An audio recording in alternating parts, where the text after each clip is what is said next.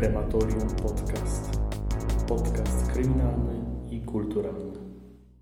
No to witamy w pierwszym odcinku Krematorium. Ja jestem Kuba.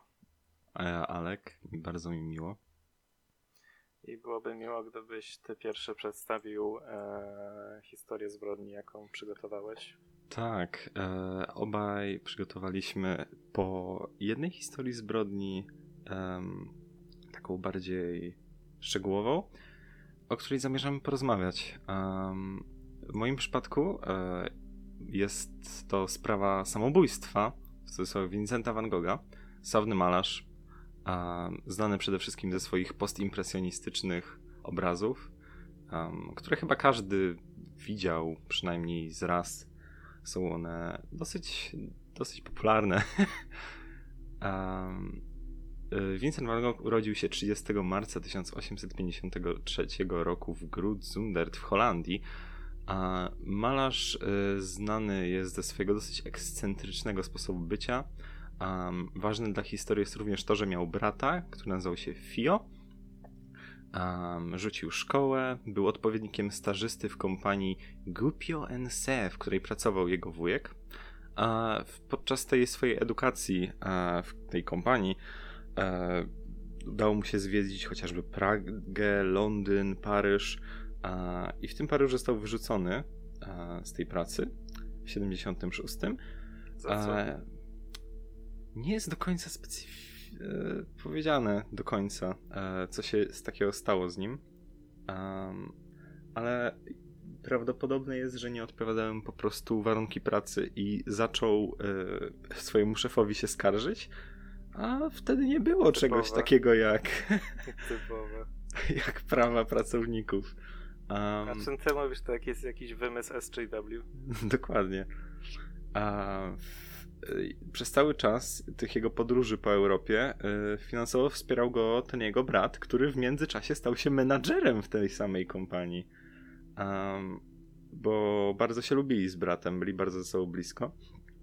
E, I w 84 Vincent uznał, że zacznie malować e, i wysyłać swojemu bratu te obrazy, żeby spłacić u niego dług w ten sposób zaciągnięty jakby um, u tego nie brata. wyszło chyba z tymi obrazami.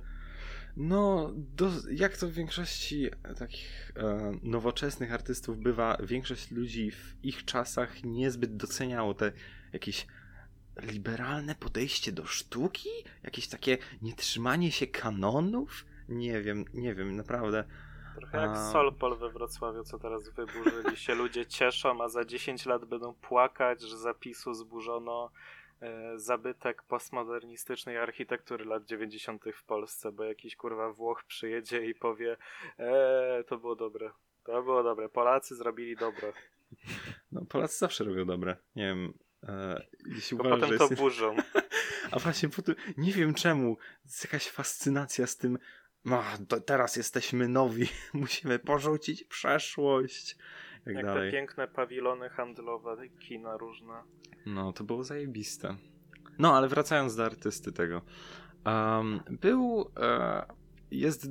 Nie, nie wiadomo do końca na co chorował, ale jest pewne, że chorował na coś e, psychicznie, miał jakąś chorobę psychiczną. Um, możliwe, że schizofrenię, możliwe, że coś innego.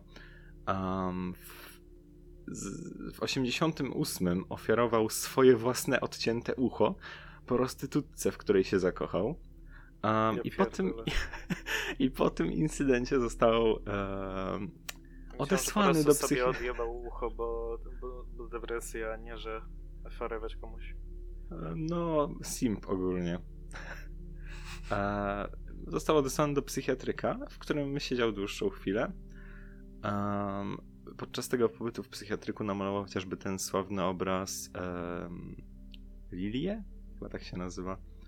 E, potem przeprowadził się do Auvers pod Paryżem, w którym siedział z kumplami artystami, między innymi z Polem e, z którym według wielu doniesień łączyła go ogromna przyjaźń. Czyli po prostu byli kochankami. Um, Nie możesz takich rzeczy mówić na podcaście, to nasz A, przepraszam, podcast przepraszam. krematorium. No, y, tak, był, był bardzo, bardzo hetero. Nie, nigdy nie lubił żadnego mężczyzny. Gdybyśmy założyli krematorium, to byłby wielki krzyż po prostu nad, e, nad logiem reklamowym. Dokładnie. No i teraz przechodzimy powoli do już zbrodni, która się wydarzyła.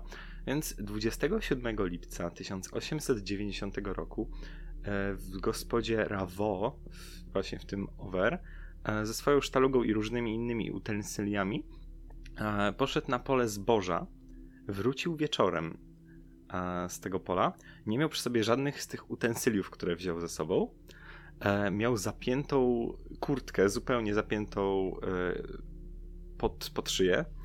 E, mimo, że było bardzo gorąco, bo to był środek lata, wiesz, lipiec i to we Francji. Chciał się ugotować na polu w południe, ale coś nie wyszło.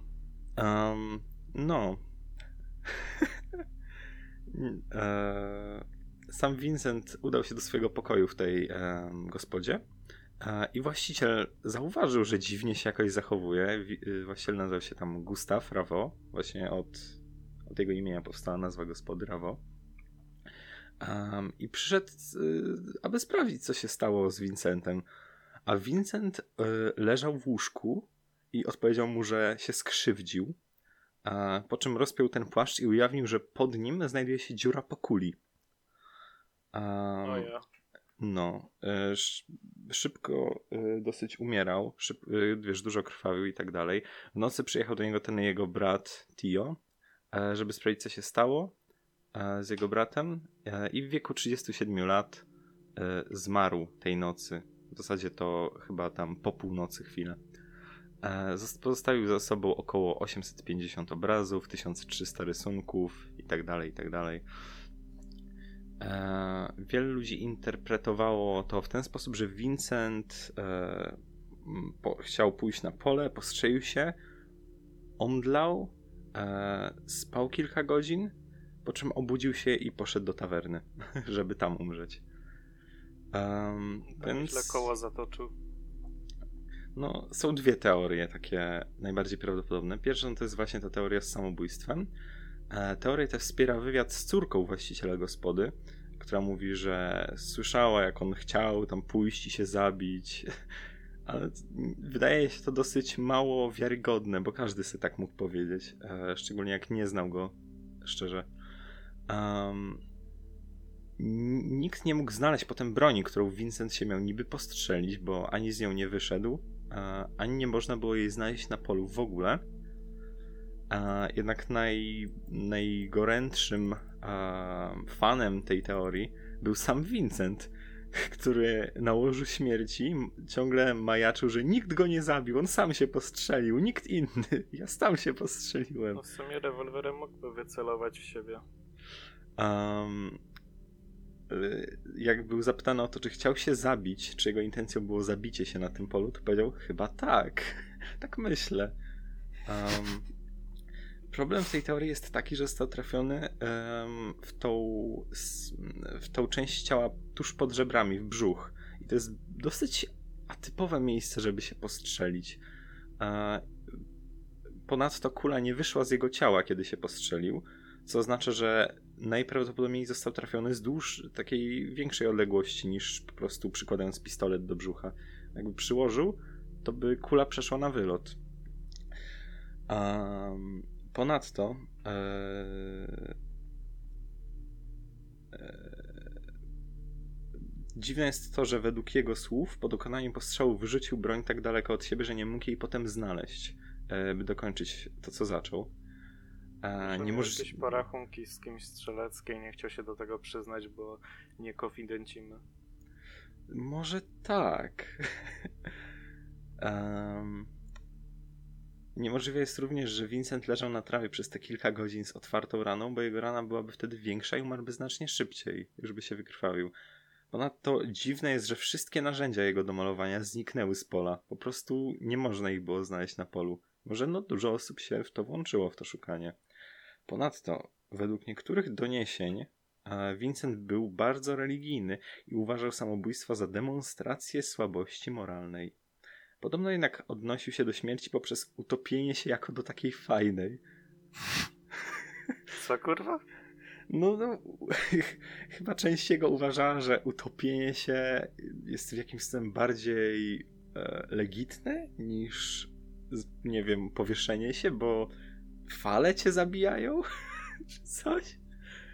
Że wchodzisz pod wodę w Minecrafcie i czekasz, aż się powietrze skończy. No, może też dotyczyło to tego, że bardziej bolesna śmierć i może przez to bardziej legitna. Nie wiem, w każdym razie to są, jak mówię, tylko Robimy doniesienia. legit check na twoją śmierć. legit check. Um, no, ale jak mówię, to są tylko doniesienia, więc może to nie mieć żadnego pokrycia w rzeczywistości tak naprawdę. A, druga teoria, e, która jest bardziej prawdopodobna, to teoria, y, którą stworzyli Steven Knife oraz Gregory White Smith um, w swojej książce. Zasugerowali, że Vincent został postrzelony przez lokalnych chłopców, którzy z pewnością e, robili pranki na Vincencie. A jest udo- udokumentowane w różnych listach. Cześć, tutaj Chmielarek, który sprankuje swoją dziewczynę. Przyniosłem właśnie Colta 1905, bardzo dobry model i strzelę z niej, do niej ze 38 mm. Zobaczymy, czy przeżyje. Jeśli przeżyje, nie zapominajcie zostawić łapki w górę. A jeśli na- umrze, właśnie na mojego Patronite'a. Pamiętajcie, w więzieniu przyda mi się ten patron. Oby go nie skonfiskowali. Mamy nowy cel na Patronite, wynajęcie prawnika. I też udokumentowane w listach Vincenta jest to, że ci y, chłopcy lokalni, przez to, że był takim no, dziwakiem, y, robi, robili się na nim mścić. Dosypywali mu soli do kawy. To jeszcze tak, wiesz, denerwujące, ale jeszcze, jeszcze da się zrozumieć. Nie no, dzieci głupie, wiadomo. Co już trochę gorsze, brali papryczki chili i skubali jakby nimi pędzel, który on często ssał podczas malowania, tak jakby wkładał do buzi i tak przykładał, przez co potem parzyło go buzia i musiał biec do, z powrotem do wsi po mleko. Ja nie mogę. Eee, Jeszcze do mleka arszenik dali czy coś, żeby być pewny, że będzie miał niezłą przygodę. oraz co najmniej raz włożyli węża w jego y, torbę z narzędziami malarskimi. Jadowitego węża. Był uznali, że ach, śmiesznie będzie. Um, tą teorię ogólnie wspiera większość osób, powiedzmy współczesnych. E, chociażby jest taki fajny film, który obejrzałem. Um, o, właśnie Vincent się nazywa. Um, z Willemem Dafoe. Um, Tam Tam jest, jest- ten e, z ręcznie malowanych obrazów. nie, drugi. Są właśnie dwa takie fajne. Pierwszy to ten z ręcznie malowanych obrazów, a drugi e, live action. W ogóle off-top, e, a propos tych malowanych obrazów. Teraz ci ludzie robią drugi film, bazowany na powieści chłopi. O nie. No, więc nie wiem, nie wydaje mi się to aż takim dobrym pomysłem, ale no zobaczymy jak to wyjdzie. Ale no, wracając, wracając. E, jeden z chłopców e, nazywał się Ren Secreta em, a, i miał starszego brata Gastona. E, I Gaston był kumplem Vincenta, on bardzo się lubił. E, Gaston lubił malować e, i jak widział obrazy Vincenta, to czuł taką inspirację i po prostu chciał się uczyć od niego. Ale Ren, ten młodszy brat Gastona, nie, niezbyt lubił um, Vincenta. Był w zasadzie jego arcywrogiem. Jest przynajmniej jedna sytuacja, w której to dziecko, ten René, e, powiedział coś w stylu, że uwielbialiśmy go wkurwiać, bo to było takie łatwe, czy coś takiego. Jezu. No, absolutny zwyrol dzieci, kurwa.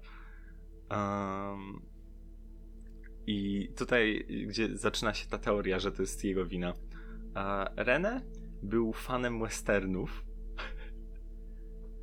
Um, To nie i mogło się dobrze skończyć. Pewnego, pewnego lata pojechał e, do Paryża. Lata 90 roku, 1890 pojechał do Paryża. Um, i obejrzał parę filmów westernowych z Buffalo Billem i tymi innymi postaciami a, z tych klasycznych westernów. A, I był tak zafascynowany, że kupił swój własny kapelusz oraz pistolet. O nie. rewolwer. Żeby Um, kowbojki kupił i zaczął gadać jak w Ameryce to wszystko jest fajnie, a tu bieda Europa. Jeszcze Czemu nie wy nie macie czasy. autostrady pośrodku swojej wsi? Myślę, że to jeszcze nie te czasy, ale, ale blisko, bardzo blisko. Gdyby istniał wtedy internet, byłby ten post na forczanie. Fucking, fucking party, no guns. Um, no, w każdym razie. Prostu w post, książce. czemu nie mogę zastrzelić włamywacza w Ameryce, to jest legalne. Po prostu odpowiadać jakaś służba, to był po prostu listonosz donosił ci wezwanie do zapłacenia podatków. Um, w książce Van Gogh The Life, zgrabnie przetłumaczona na Van Gogh Życie, Twój Vincent, e, spekulowane jest, że doszło do sprzeczki, ale Vincent nie chciał po prostu naskarżyć na chłopaku. Po pierwsze lubił Gastona, a po drugie no to tylko dzieci. E, nawet część lokalsów mówiła, że tak się stało, gdyż po śmierci artysty Gaston, René i właśnie ich ojciec wyjechali na dłuższy czas z miasta, jakby się czegoś wystraszyli.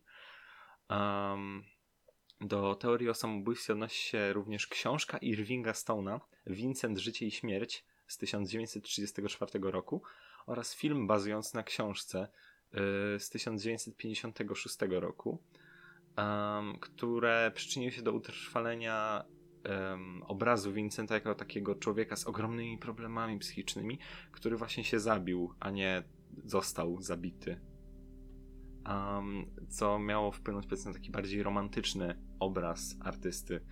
Um, a jak wiadomo, szczególnie wtedy um, w XX wieku ludzie bardzo pragnęli takiego o, biedny geniusz, torturowany przez swoje własne myśli. To, to zawsze był taki imidż, który się sprzedawał tak naprawdę bez względu na czasy. Ach, romantyzm. No właśnie, nigdy się go nie pozbędziemy. Szkoda. A, więc jak myślisz, która teoria jest prawdziwa? Z śmiesznym malutkim kowbojem, który lubił go wkurwiać, czy em, z samobójstwem? Nie obstawiam trzecią drogę, cokolwiek to by nie było. Został porwany przez kosmitów. Tak. Baza totalna. W sensie nie zdziwiłbym się, jeśli kosmici istnieli, rzeczywiście porywali ludzi, to mogliby porwać Vincenta Van Gogha, jak w tym Mothership Zeta z Fallouta 3. No, totalnie.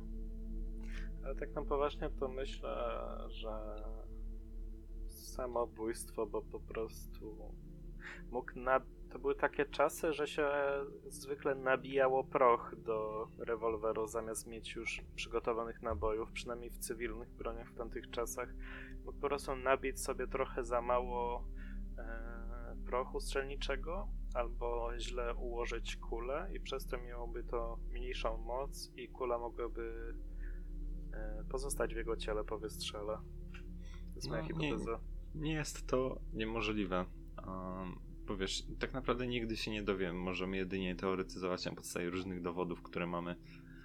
Um, gdyż raczej żadna osoba, która znała Vincenta Van Gogha nie pojawi się nagle i nie powie o, ja wiem jak to było. Um, dobra, to o czym ty przygotowałeś a, swój e, malutki referacik? Niektórzy słuchacze mogą ją już znać, ale warto ją e, przytoczyć ponownie, bo przez lata dochodziły nowe fakty z tej historii.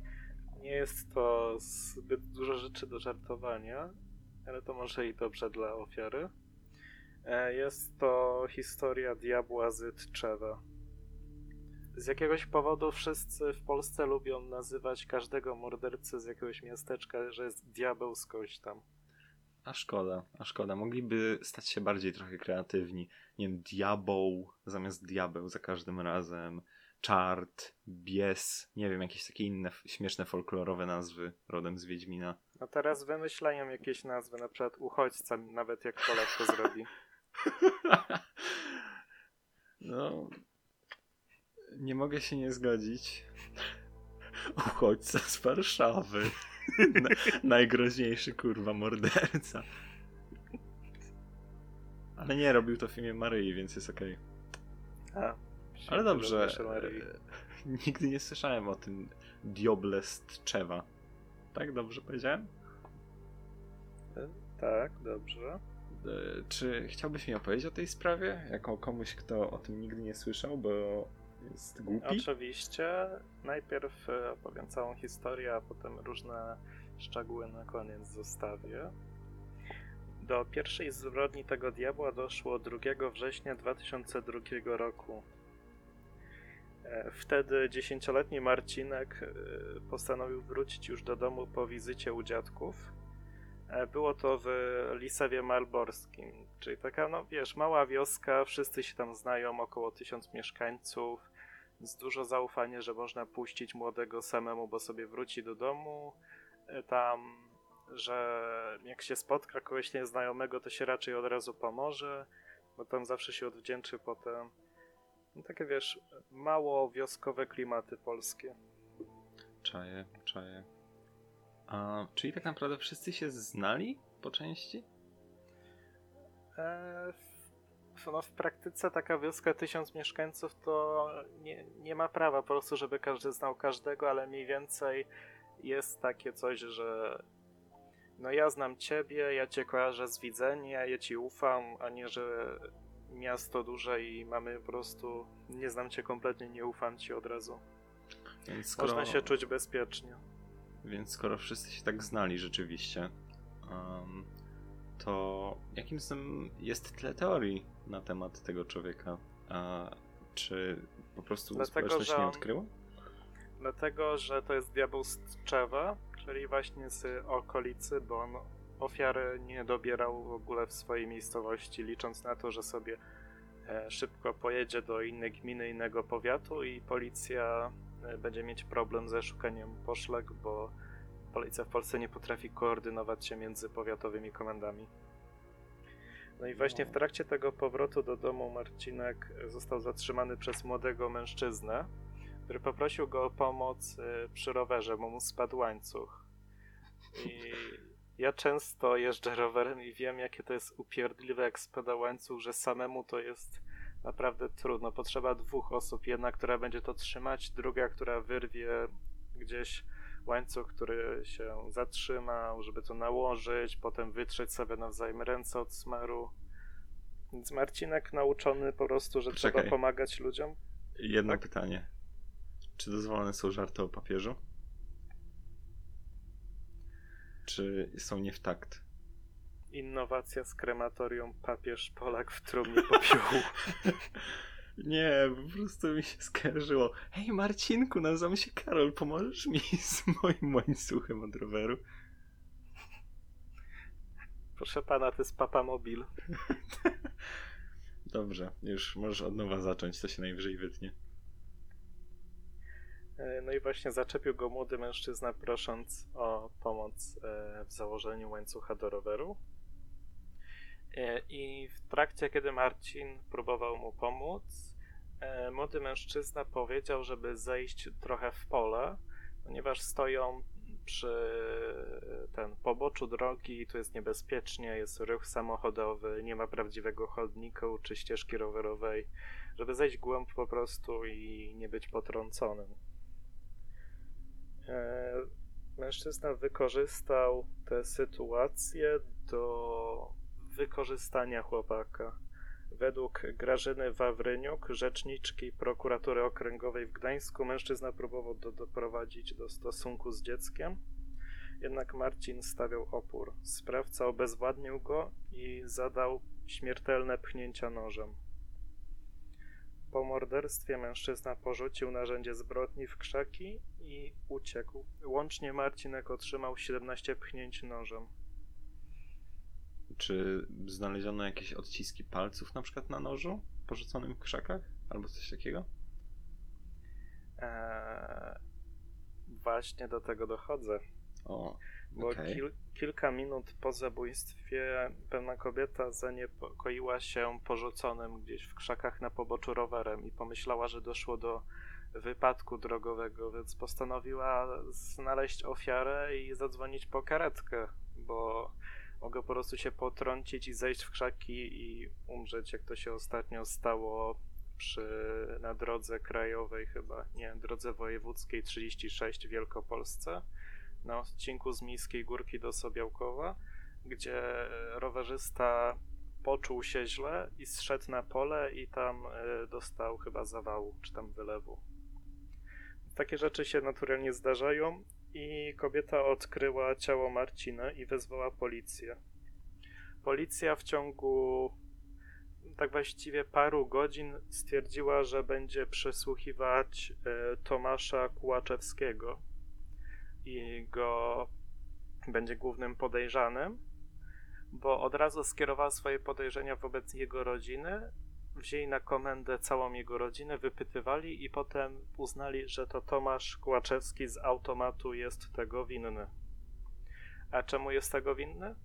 Bo był lekko upośledzony umysłowo i poszli drogą dyskryminacji wobec osób z niepełnosprawnościami, że e, Nie. to jest wariat, więc on jest temu winien.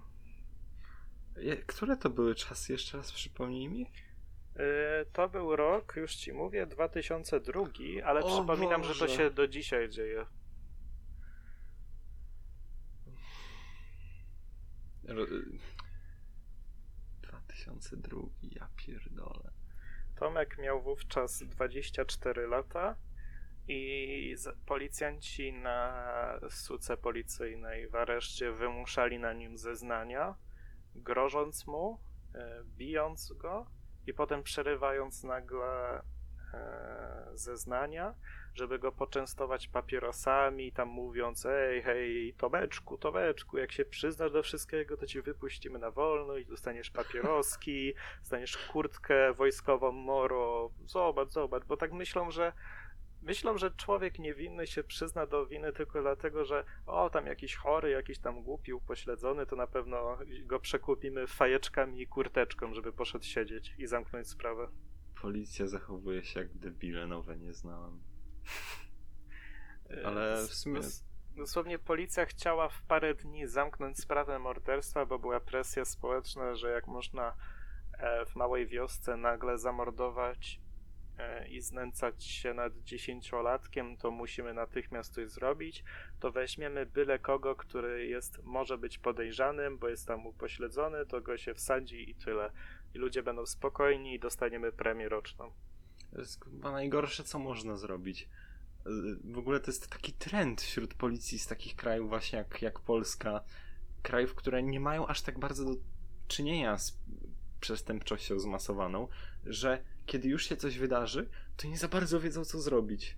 A przy, przypomina mi się y, chociażby jak był chyba pierwszy seryjny morderca na, w Reykjavik w Islandii policja była kompletnie zdezorientowana, także wzięła wszystkich podejrzanych i wsadziła ich do izolatek, po prostu myśląc, że może coś wtedy powiedzą, jak ich wypuścimy. Tylko, że w instytucji policji mamy coś takiego jak dumę i ja nie rozwiążę sprawy, podszywaj mi kawusie.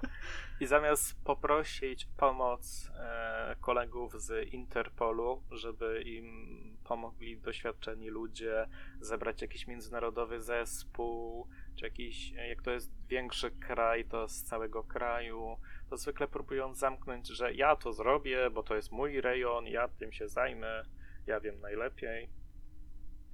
E, I policja i prokuratora po tych zeznaniach, do których się tylko raz przyznał na nagraniu, i to było spisane tak dla świętego spokoju, bo już go bili i torturowali, e, że tak, ja się przyznaję, zabrali go na wizję lokalną e, na miejscu zbrodni, żeby mógł wskazać, żeby mieć dowody przed sądem, że on wie, co zrobił, bo on jest mordercą. Tylko, że Tomek nie mógł wskazać w ogóle miejsca zbrodni kompletnie. Policja musiała go przyprowadzić dosłownie w ten jeden centymetr sześcienny przestrzeni, żeby to wskazać. Nie mógł też kompletnie wskazać miejsca, gdzie pozostawił narzędzia zbrodni, bo nie wiedział za cholerę, gdzie one są. Patrz, tutaj zabijesz czeka. Naprawdę? W sensie okropna sytuacja, absolutnie okropna. To jest taka niekompetencja.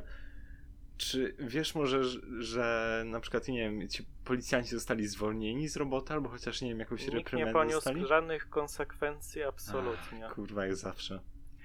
E, historię znalazłem właśnie w książce Będziesz siedzieć o polskim systemie niesprawiedliwości Violetty Krasnowo- Krasnowskiej. Link znajdziecie w opisie, to jest wydawnictwa Czarne. Polecamy E, tą książkę? Krematorium oficjalnie poleca? Jest zajebista, polecam każdemu, kto się interesuje true crime. Żeby Zajebiście. zobaczyć, że łatwo można wyrobić kogoś przestępstwo. E, no i no. właśnie autorka książki przeglądała razem z Helsińską Fundacją Praw Człowieka różne listy od więźniów więzienia, bo właśnie Tomek został skazany na 15 lat więzienia. Sąd uznał, że to są wiarygodne dowody. Mimo, że na sali sądowej zarzekał się, że tego w ogóle nie zrobił. I mówił na sali sądowej, że, e, że wymuszano na nim zeznania. No to, to był list właśnie, kiedy już był w odsiadce do Helsińskiej Fundacji Praw Człowieka. Dnia, pisownia jakby oryginalna, bo ma mocne problemy z pismem i pisał bardzo fonetycznie. Dnia 11 listopada gliny przyjechali na bazę nieoznakowanym samochodem po sąsiada Mariana G i po brata na ponowne zeznania, ale brata nie było i wzięli mnie, ojca i tamtego najpierw sąsiada, co kręcił w zeznaniach. Powiedziałem to samo, nie uwierzyli i zaczęło się straszenie na huki, potem przekupstwo. Było zimno, a oni kazali ściągać wszystko do spodenek i siedzieć. A było zimno, trzęsłem się, robili kawę, szlugi, dali postrzelać z Glocka 22 bez naboi, obiecali moro policyjne, kasę i po wymuszonych siłą zeznaniach zaczęli straszyć, że będę dłużej siedział, jak się nie przyznam. Potem wzięli na pogotowie do psychiatry na cienkiej bluzie, chyba chodzi o cienką bluzę tylko, i spodenkach. Potem prokurator straszyła, że uderzy z całej siły, jeśli się nie przyznam. I robiło się ciemno. Wzięli na dołek do karcera, kazali rozebrać na golasa i spać bez gaci i skarpet na cienkiej roboczej bluzie, bez niczego na dychach, pod gryzącym kocem, na materacu przegniłym. Było strasznie niewygodne, zimno trzęsło mnie, dostałem po całym dniu gotówki, głodówki, talerz zimnej zupy, niezdatnej do jedzenia, dwie bułki plus kubek zimnej herbaty, budzili co dwie godziny i dawali zajarać, a ja mówiłem, że to Piotr T. z Tczewa jest sprawcą, a oni swoje, że kłamie i wymusili siła zeznania. Czekaj, czekaj. Czy on sugerował Tak. y, rzeczywistego mordercę? Tego Piotra?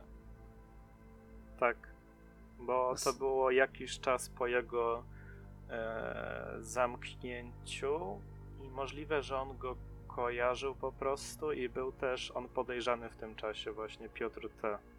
Ale do tego zaraz przejdziemy. Okej. W, w ogóle dali postrzelać z Glocka?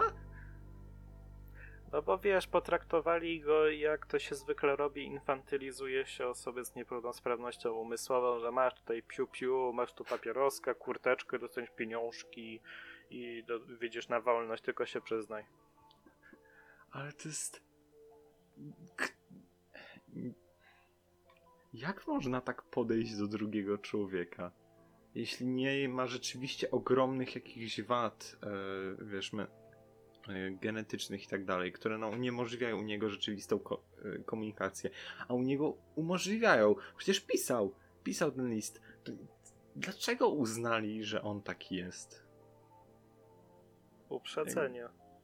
Ja znam jedną osobę z niepełnosprawnością umysłową, bo ma e, chorobę neurologiczną, która utrudnia tej osobie mowę oraz bardzo pismo i czasami oddychanie.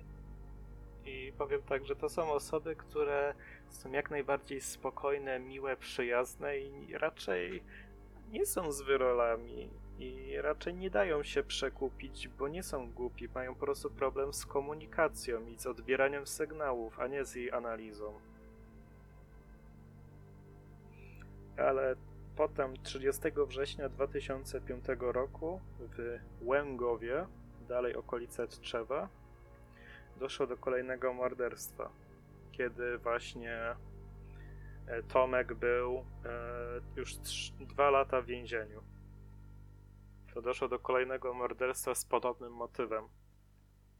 11-letni Sebastian Talarek wraca ze szkoły i opowiada tacie, że wychodzi na 15 minut na ryby do małej rzeczki, która jest w okolicy. Off-top, ale absolutny czat, jeśli uda mu się w 15 minut złowić ryby liczbą mnoga. Ja bym nie potrafił. No wiesz, to zwykle jakiś dzieciak z wędką, siateczką sobie jedną rybkę łapie i potem wyjmuje, e, wyjmuje ten haczyk i wrzuca do rzeczki. Ja się tak też e, trochę bawiłem z rodzicami, jak byłem młodszy. Taką małą rybkę się bierze i potem się wrzuca z powrotem do stawu.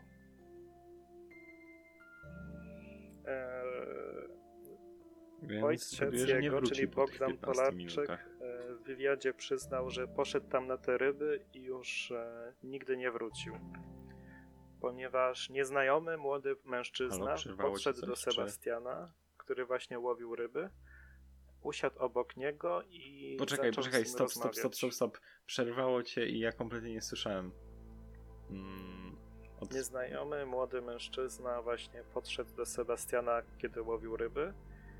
E, usiadł obok niego i zaczął z nim rozmawiać.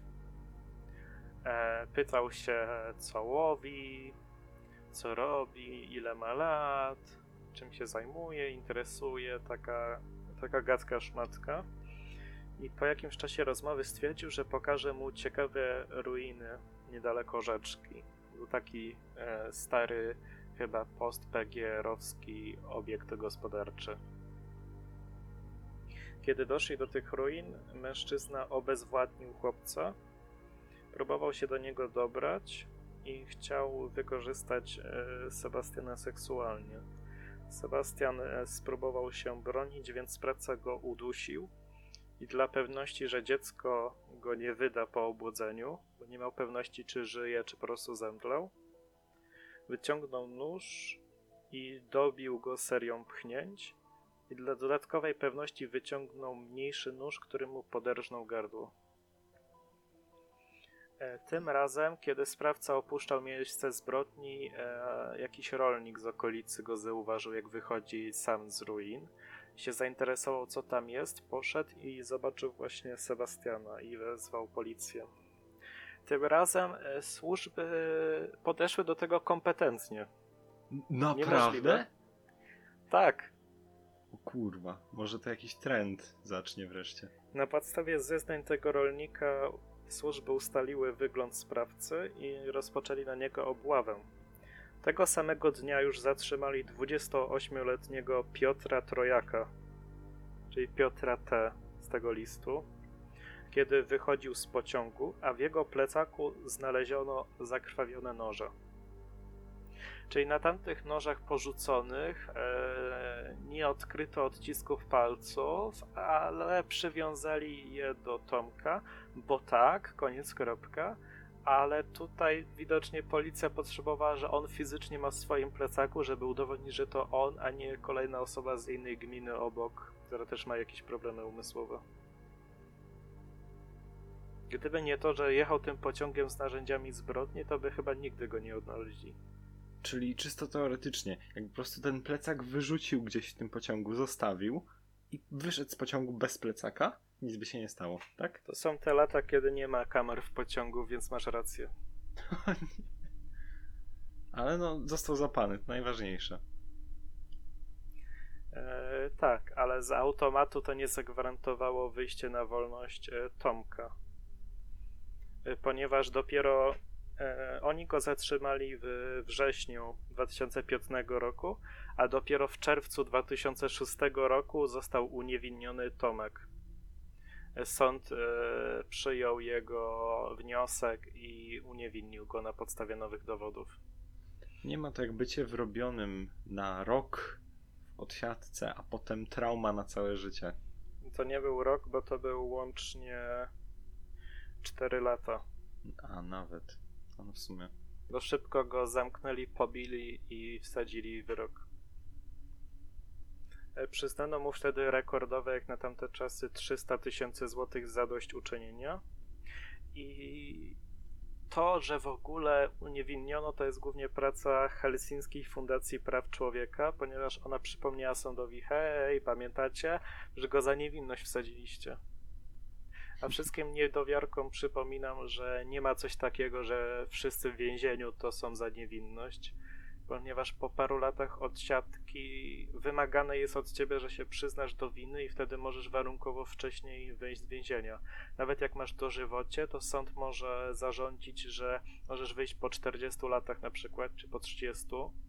E, jeśli przyznasz się do winy i zarządca więzienia potwierdzi, że sprawujesz się dobrze i nie jesteś przemocowy więźniom bardzo się opłaca obstawiać przy tym, że dobra, przyznałem się do winy, rozumiem moje, wszystko powiedziałem i tak dalej. Cię nie opłaca ciągle powtarzać, że są niewinni.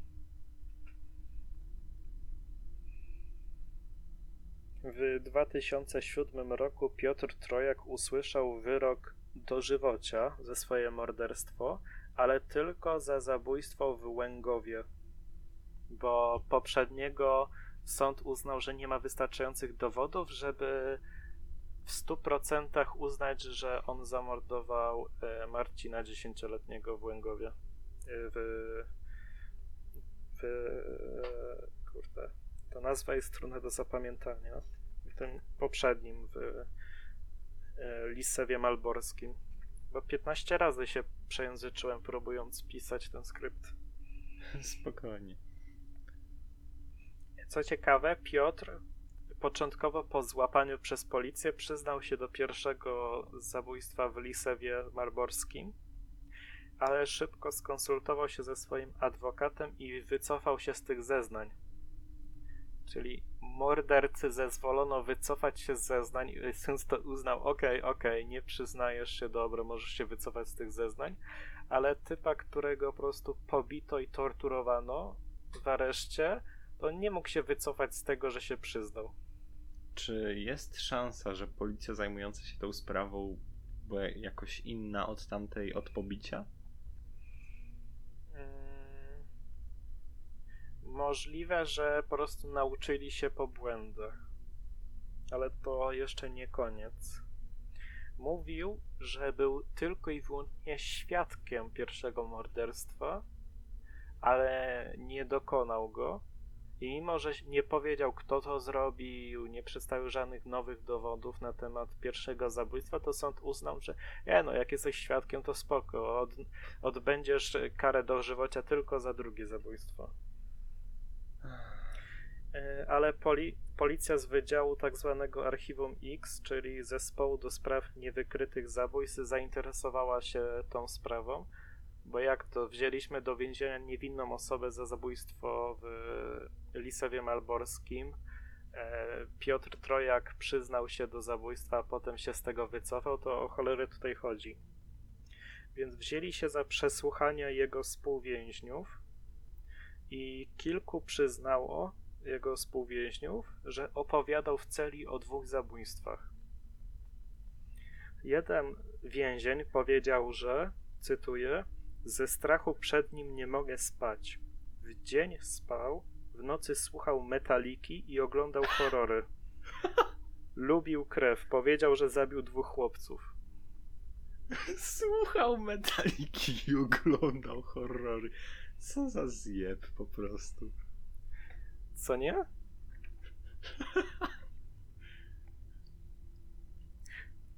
Ja nie powiem tego żartu, żebym go wsadził do więzienia za same słuchanie metaliki ironicznie. Nie. To się wytnie. To się wytnie, to się wytnie.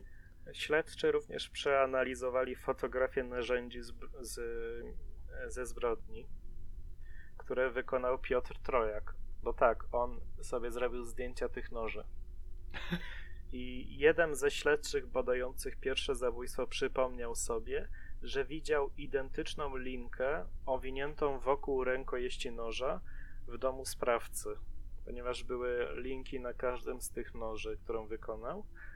I po latach ta linka wisiała w tym samym domu trojaka. Analiza wykazała, że to jest ten sam materiał.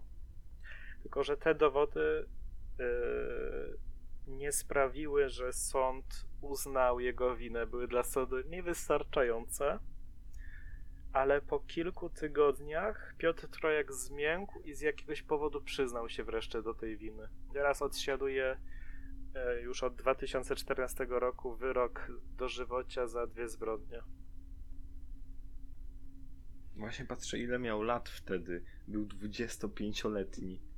Był dosłownie tym redditowcem, forczanowcem, który chłopaki Tak. będę łaził z do... będę zabijał dzieci i kurwa metaliki słuchał. To dzisiaj by chyba słuchał innego zespołu niż Metallica. No, nie będę mówił, czego mógłby słuchać na wszelki wypadek. Ach, szkoda. Ciekawe jest oryginalne mieszkanie Piotra Trojaka, bo to jest y, zabytkowy młyn w Tczewie, który widnieje na liście zabytków. I mieszkał tam z matką Teodozją, która mówiła, że o, jak Piotruś wróci, urządzi tu się na nowo. I mówi, że on by w ogóle czegoś takiego nie zrobił, że tam narozrabiał, wstyd mu za niego, ale dalej go kocha i myśli, że jest niewinny. No, matki morderców często mają to do siebie, że albo kompletnie nienawidzą tego swojego dziecka za to, co zrobiło, albo są tak głęboko w fazie właśnie tego wyparcia, że nie potrafią się pogodzić z rzeczywistością. Obie, jakby, oba stany są dosyć skrajne i oba bardzo smutne do oglądania, ale jednak dobrze jest, jak akceptują, że to się wydarzyło. Jak ja to googlowałem, napotkałem jeszcze na bardziej szczegółowe opisy jego życia przed zabójstwami. E, Ukończył szkołę zawodową w zawodzie złotnika, ale nie pracował w zawodzie. Miał kiedyś dziewczynę Anię, ale zdradziła go dla kogoś innego. O nie. Po tym przestał spotykać się z dziewczynami. Czyli typowy forczanowy red pill, tylko że włączył do tego pedofilię i morderstwo. No, no to forczanowy Red Pill. a, jeszcze a propos tego zabytkowego młyna, w którym mieszkał. Tak? Um, jak myślisz, czy to może była część jego masterplanu, że o, schowam moje noże za ścianą, jak wrócę już tym pociągiem i nie będą mogli ich znaleźć, bo nie będą mogli rozebrać tego młyna, czy coś w tym stylu. Bardzo możliwe, ale po zabójstwie burmistrz Tczewa zaoferował matce Teodezji, że odkupi jako gmina zabytkowy młyn i zamiast tego dostanie normalne mieszkanie komunalne. A z tego młynu się urządzi jakąś atrakcję turystyczną, czy wiesz, taką bardziej zabytek, nie, nie Patrzcie, tu mieszkał pedofil. diabelski młyn. Diabelski młyn. Nabiera nowego znaczenia. Ale matka się na to nie zgodziła, bo dalej wierzy, że wyjdzie na wolność jakimś cudem. No co prawda, yy, Piotr T. ma niby prawo, że po 30 latach może się ubiegać o wyjście na wolność, ale na 100% sąd tego nie wykorzysta, moim zdaniem. Moim też. W sensie to jest już ten taki poziom, że ra, jeśli, jeśli nie będzie cosplayował człowieka, który oj, to, i byłem głupi, byłem chory i w ogóle wszystko, przepraszam, się zmieniłem i tak dalej, nie zrobi tego bardzo autentycznie, to nie ma szans. A nawet jakby to zrobił, to też wątpię, żeby był jakikolwiek szansa na opuszczenie tego człowieka. Po tym, jak się spalił na dziewczynach, że tak powiem, yy, większość dnia spędzał na siedzeniu wiatraku, podnoszeniu ciężarów i to są słowa matki, słuchaniu heavy metalu.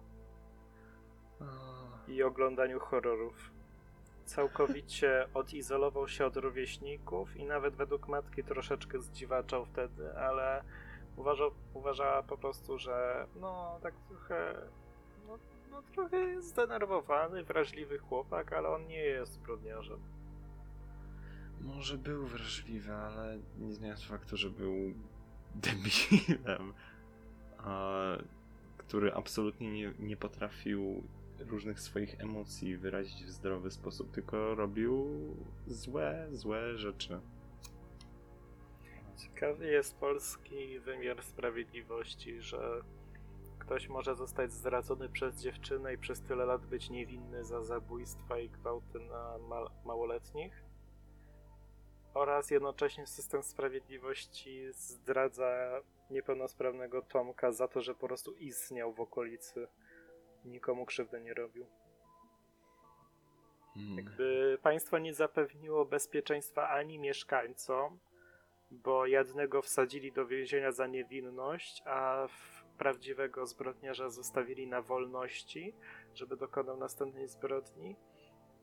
Ani też odpowiednio nie przeciwdziałało, bo myślę, że gdyby Piotr Trojak dostał pomoc psychiatryczną od razu, mogłoby do tego nie dojść, ale ja nie chcę z nim sympatyzować, bo to skurwiel był. Kompletnie nadzieję, że skurwiel. go w, w celi więziennej torturują i prześledują współwinnione. Właśnie chciałem się dopytać, bo zazwyczaj w więzieniach, mimo że to są dosyć em, niezbyt pełne dobrych ludzi miejsca, jednak pedofilia jest na tym poziomie, że jednak jak jesteś pedofilem w więzieniu, to cię tłuką, nie? I stąd moje pytanie, czy jego tłuką? E, Do takich informacji nie mogłem się dokopać, zresztą one nie są upubliczniane, dopóki nie wyjdziesz na wolność albo jakiś dziennikarz ci nie przedstawi mikrofonu do kraty, żebyś mógł coś powiedzieć. Ale mam nadzieję, że będzie żałował mocno. To oficjalna em, stacja krematorium e, w jego sprawie. W- Jeszcze w roku 88 za te zbrodnie trafiłby do krematorium. A teraz czas na nasz kącik kulturalny.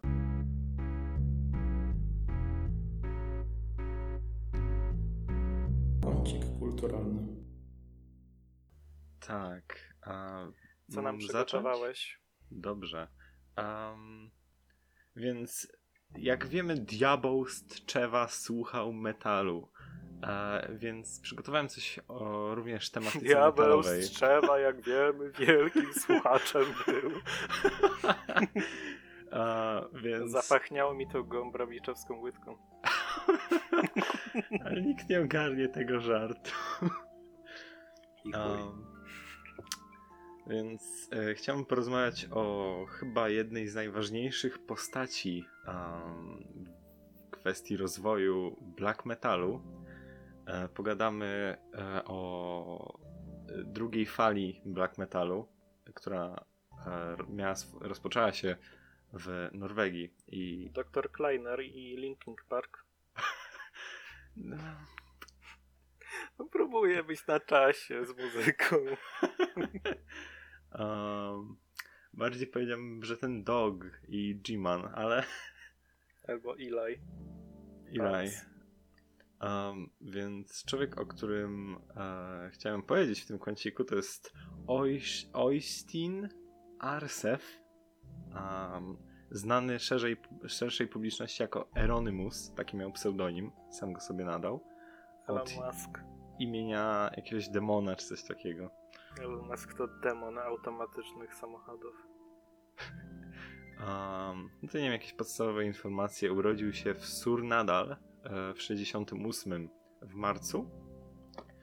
Um, I był bardzo zainspirowany różnymi zespołami e, z pierwszej fali black metalu, takimi proto-black metalowymi jak Venom czy Sodom, które nie zaliczają się konkretnie do black metalu, ale miały definitywnie wpływ na rozwój um, tego co znamy jako black metal dzisiaj.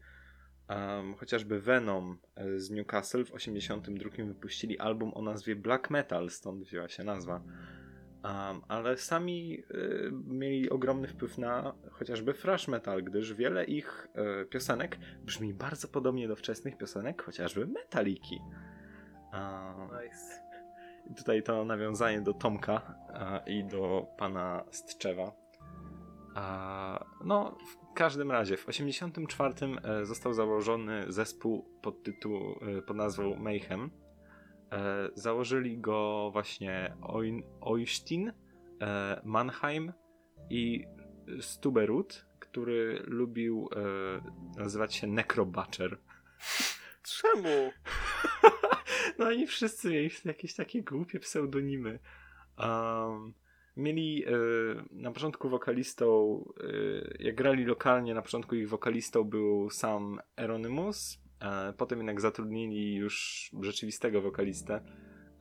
Przez chwilę grali z Mesajach, potem z Maniakiem. Grali lokalnie, nie nagrali żadnego albumu, ale robili różne małe wydania, epki i tak dalej.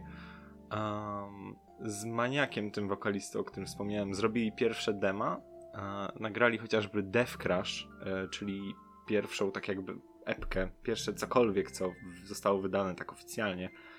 Um, Dial Patterson w swojej książce e, o black metalu pisze, że mikser, kiedy dali mu swój materiał do zmiksowania, nie potrafił kompletnie tego zmiksować, bo to było coś tak absurdalnego, szczególnie na tamte czasy, że po prostu zdecydował się zostawić to niezmiksowane. Stąd pojawił się ten trend um, w tym Czy gatunku mogę muzyki. powiedzieć, że to jest Elon Musk muzyki? To jest Elon Musk muzyki, bo Elon Musk to debil. jest żarty A, z autyzmu? Um, nie ma, ale będzie faszyzm za chwilę. No, to podobnie. Wystarczająco podobnie. Um, mimo to sprzedali prawie tysiąc albumów w Norwegii. Um, potem wyrzucili maniaka e, i wzięli nowego wokalistę, który nazywał się Pel Olin, znany pod pseudonimem Dead. Dead był dosyć atypową postacią, e, bardzo miał ogromny wpływ na rozwój samego Mayhem, jak i całego gatunku.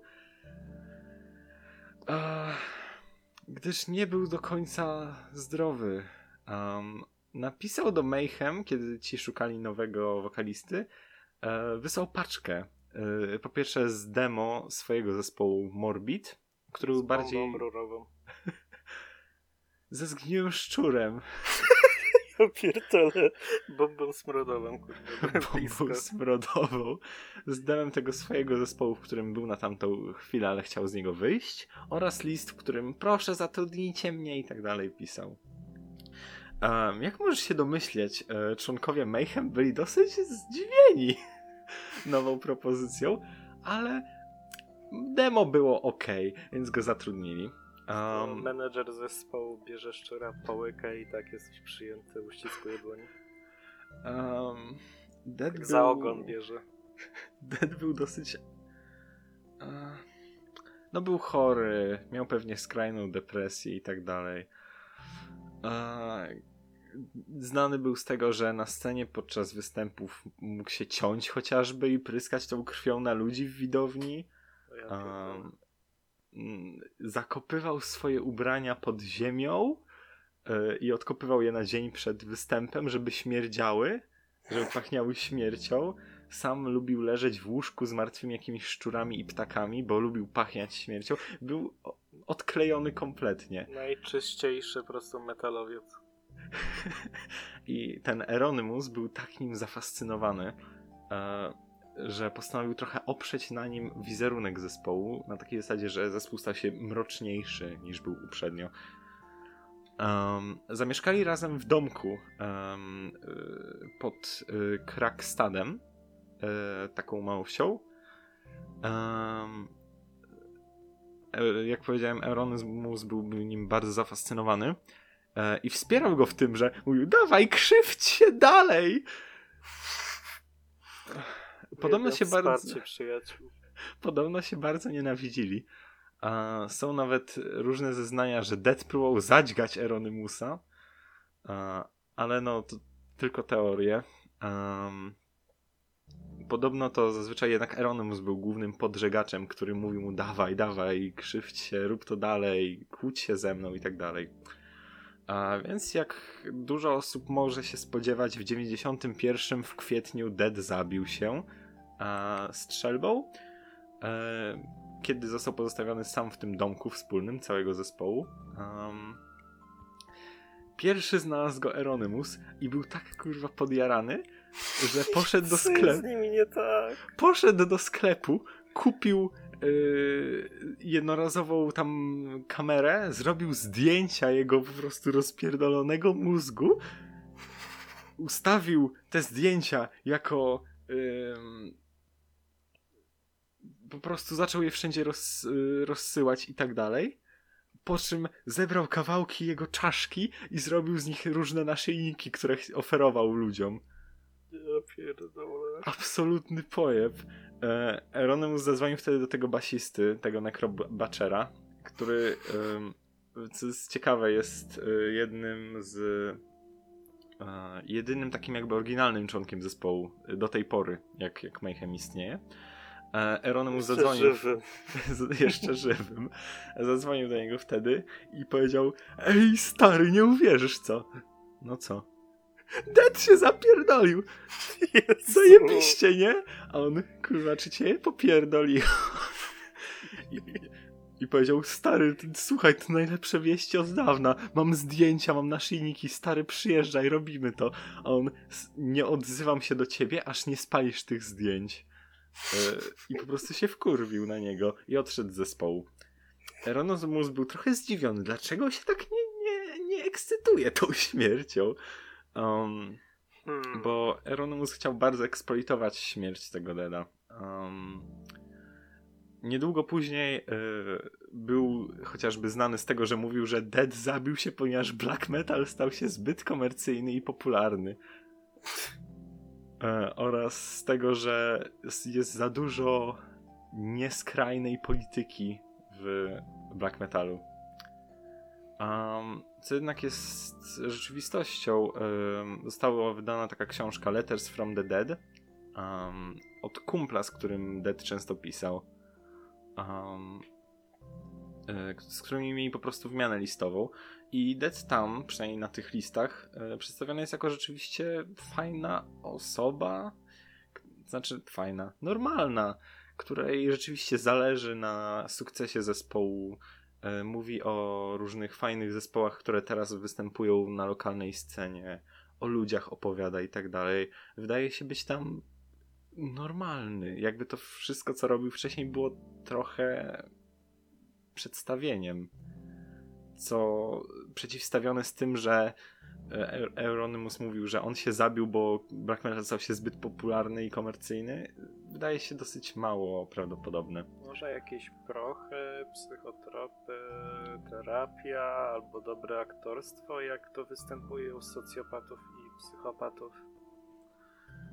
Cokolwiek by się nie stało, wiemy, że gdyby Dead nie był w Mayhem, może by się nie zabił, bo nie miałby takiego swojego małego Euronymousa, który by mu mówił weź się tnij na scenie.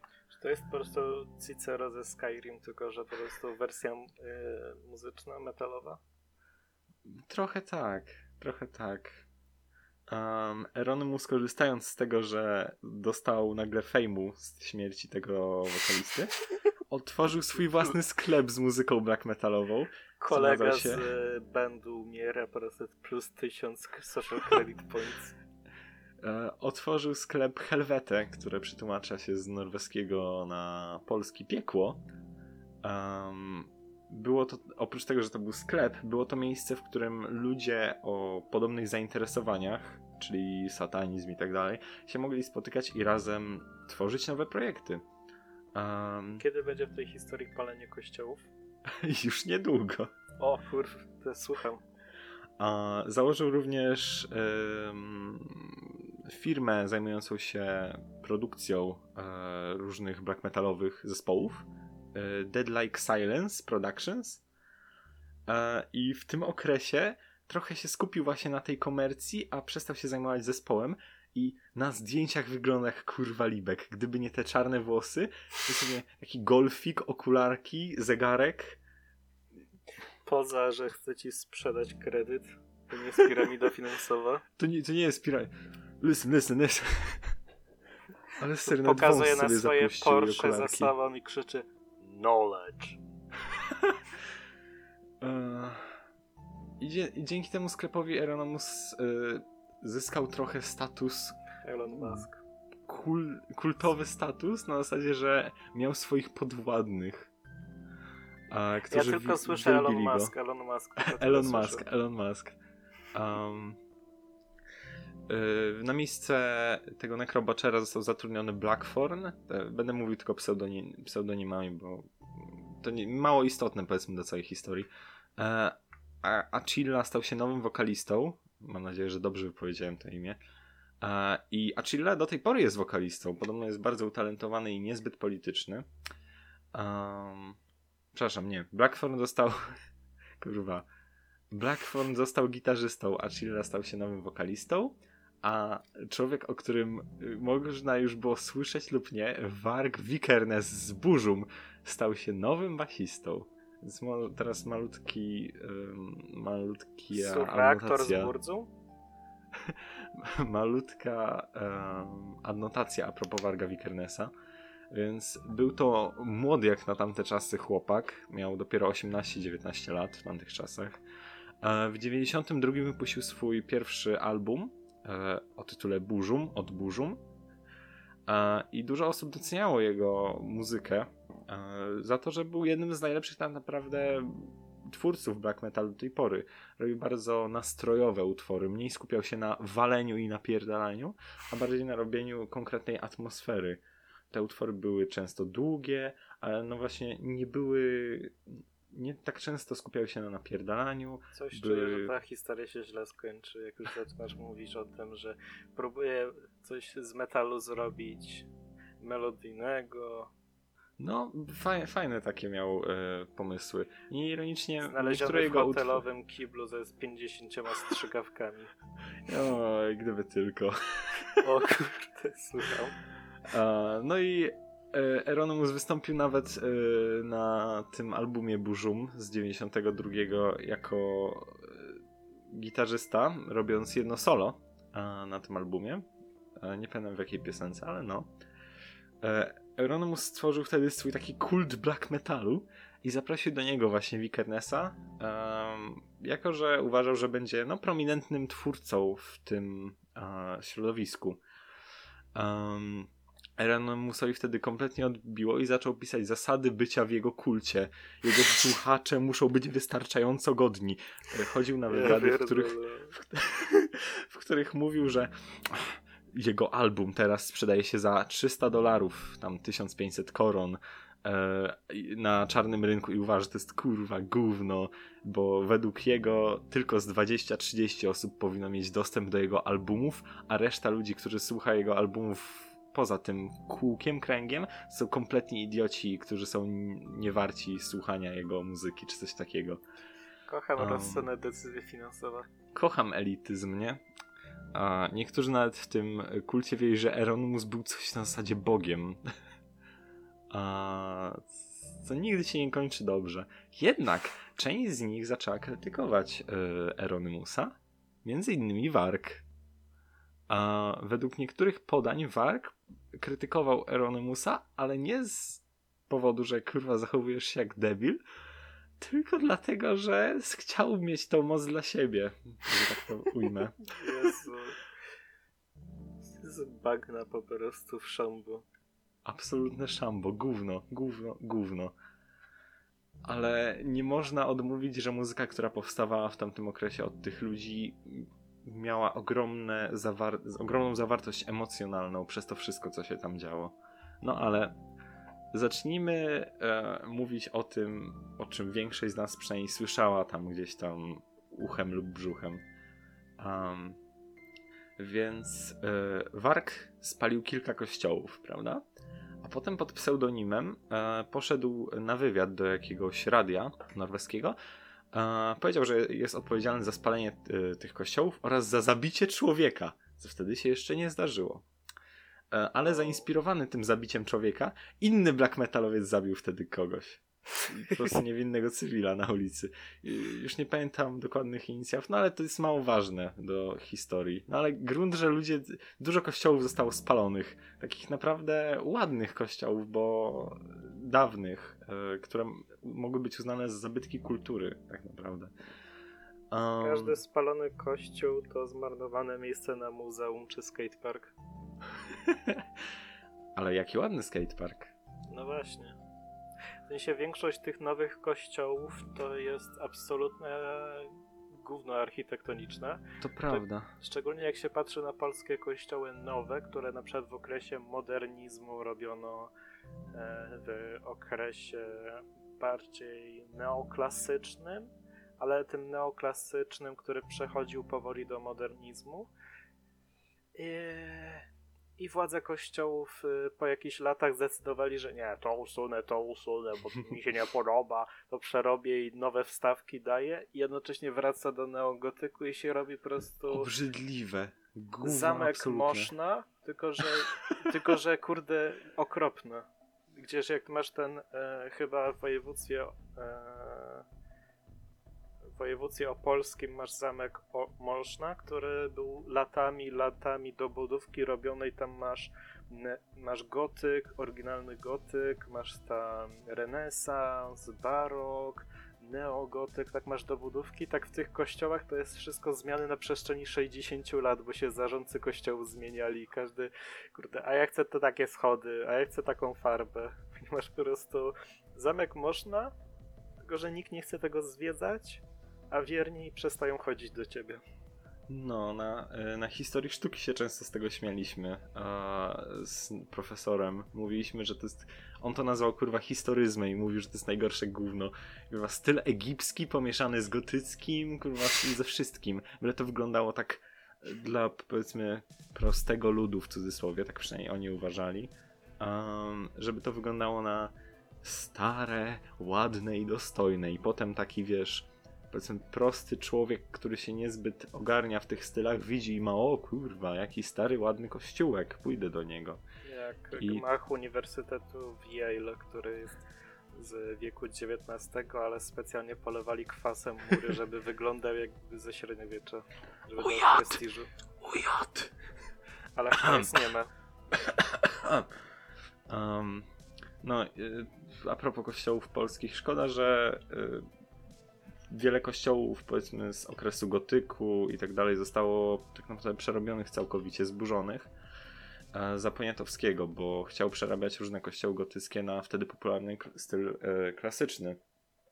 Co z jednej strony no dobrze się skończyło, bo te wiele kościołów z tych klasycznych jest bardzo ładnych, ale z drugiej strony szkoda tych e, barokowych i go, gotyckich, które wtedy zostały. Kiedy władze wiesz. Polski się nauczą, że nie musimy wszystkiego upgrade'ować jak w cywilizacji, żeby wyglądało na współczesność zawsze, tylko po prostu zostawimy to, żeby pokazywać historię miasta, że tutaj mamy mm, gotyckie mury, tutaj mamy e, neoromański zamek, tutaj mamy na przykład modernistyczny z wczesnego PRL-u lat 50. E, gmachy partyjne stare.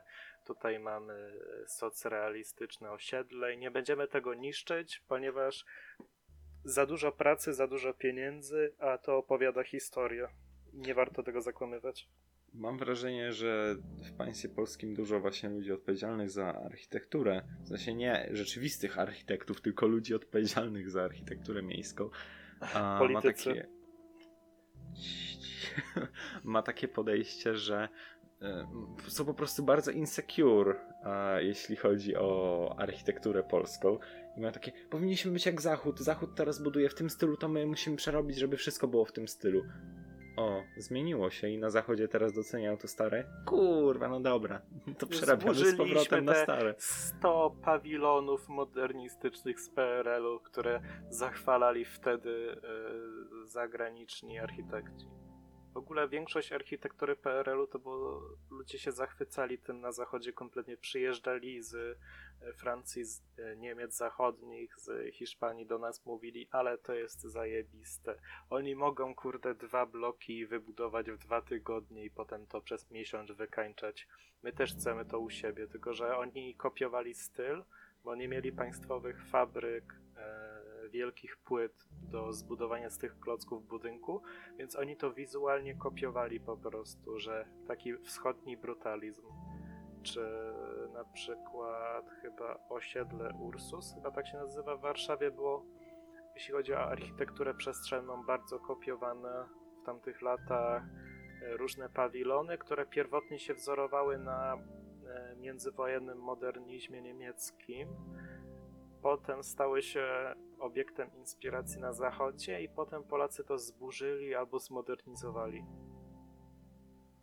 To mnie tak po prostu boli, że okej, okay, nie podoba ci się Solpol. Dobra, ale masz obok tyle pięknych kamienic, nie musisz się patrzeć na Solpol. Solpol można umyć i nie będzie brudny i możesz tam dać Muzeum lat 90. i turyści, kurde, z Polski i z Europy będą przyjeżdżać. O, chcę zobaczyć, jak Polska w latach 90. wyglądała.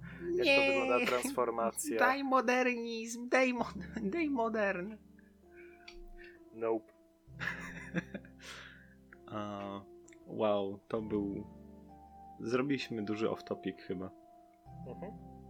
No Ale i po tych inspiracyjnych morderstwach, co z tego wyszło? Inspiracyjnych morderstwach. Um, więc było póki co tylko jedno morderstwo, o którym wiadomo, e, ale dużo kościołów zostało spalonych.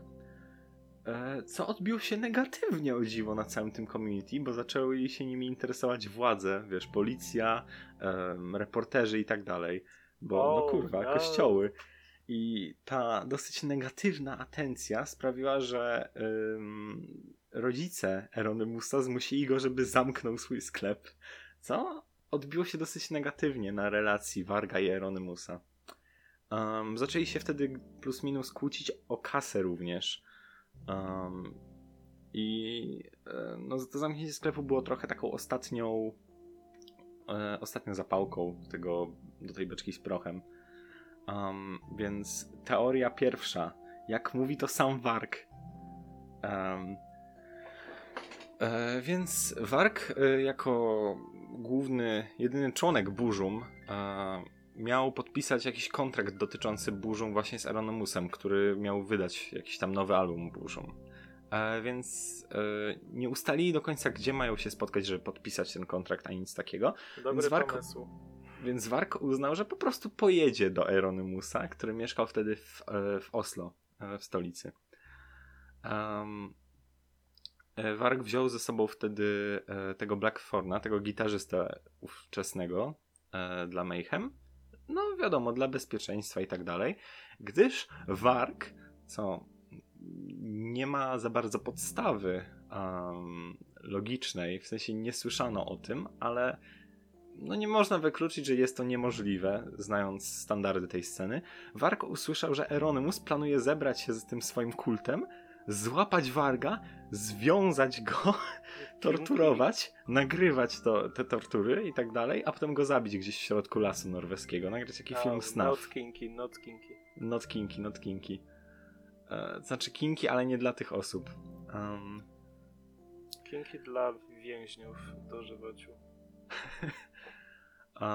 no więc e, Wark oraz ten jego kumpel, ten Blackthorn, e, dotarli e, do tego Oslo pod mieszkanie tego Eronymusa około trzeciej lub czwartej.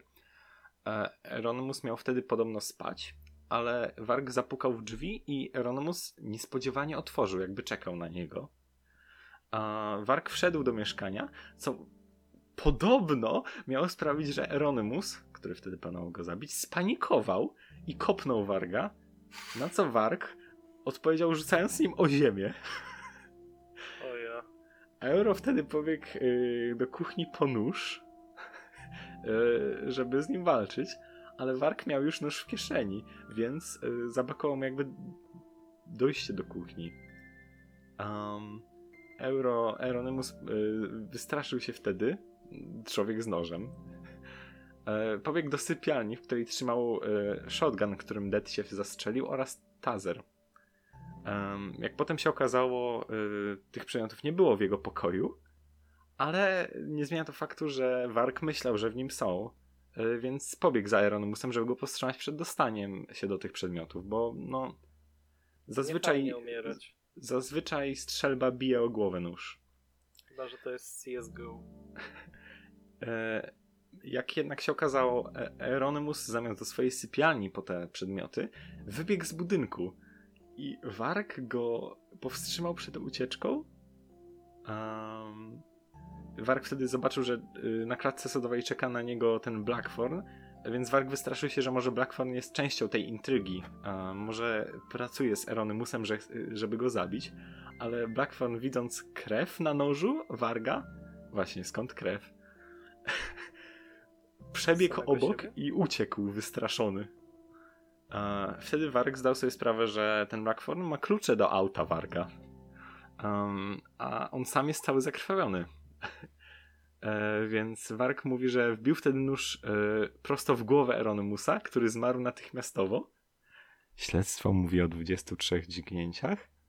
Po czym Warg wyszedł z, e, z budynku i uspokoił tego e, Snora Blackthorna, e, którym oddał wtedy kluczyki i odjechali. E, To jest według wywiadu, którego udzielił kiedyś e, Warg dla telewizji norweskiej chyba. Jednak o tych samych wydarzeniach Warg napisał również kiedyś bloga, kiedy był w więzieniu właśnie, kiedy odsiadywał wyrok.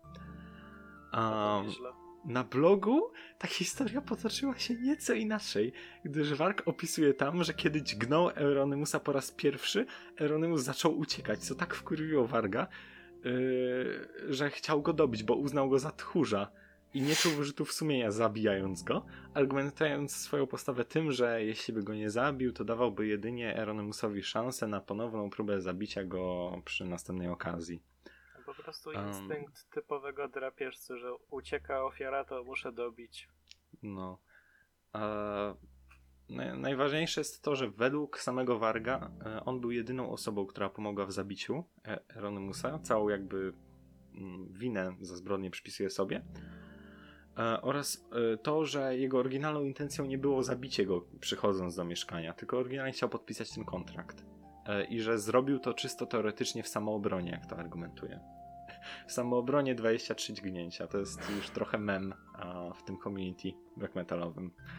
Druga teoria, która, którą kupił, kupiła pani, która była sędzią w procesie, e, to jest teoria, którą dał nam e, sam Blackthorn, czyli właśnie ten typ, ten gitarzysta, e, który jechał autem z Wargiem przez ten cały czas.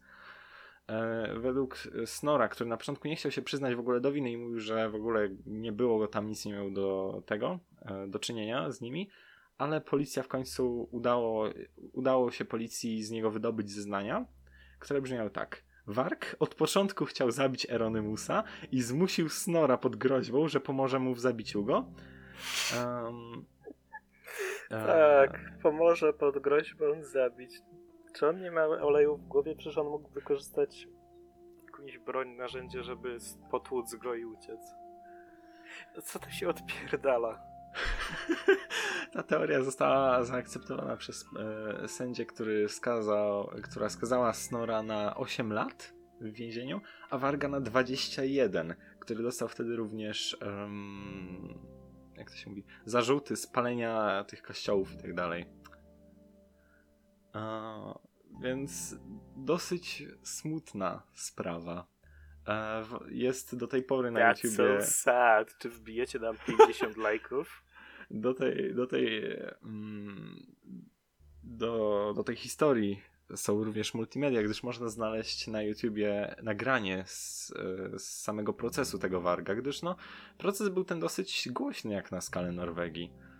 Um, I można widzieć, że Warg podczas tego procesu praktycznie połowę czasu się uśmiecha, patrząc prosto w kamerę, więc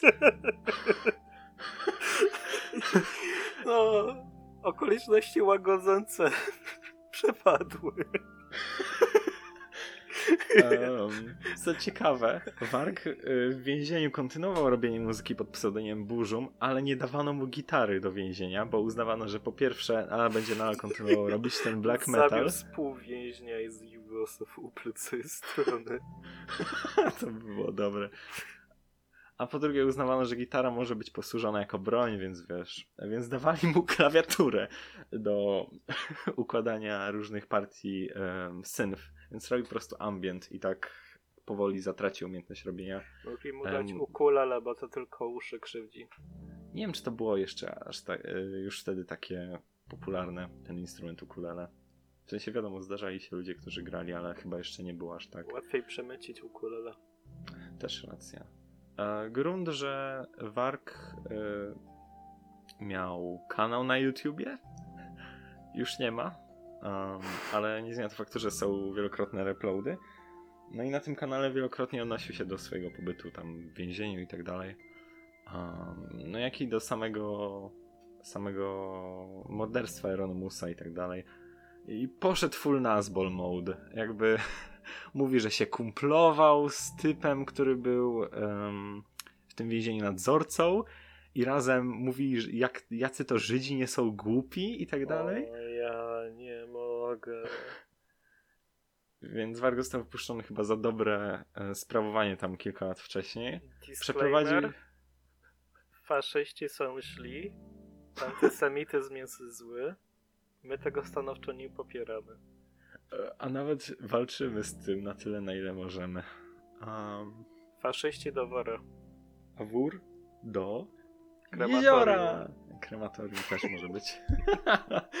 Ciekawe, co nam da większy pozew. O... Um, Nie, lepiej nie próbować. No, e, Eronimus został pochowany, pogrzebany i do tej pory ma powiedzmy taki swój kult wokół jego postaci wśród tych młodych faszystów norweskich. E, Warg przeprowadził się do Francji, gdzie próbował przez chwilę bawić się w politykę, ale mu nie wyszło.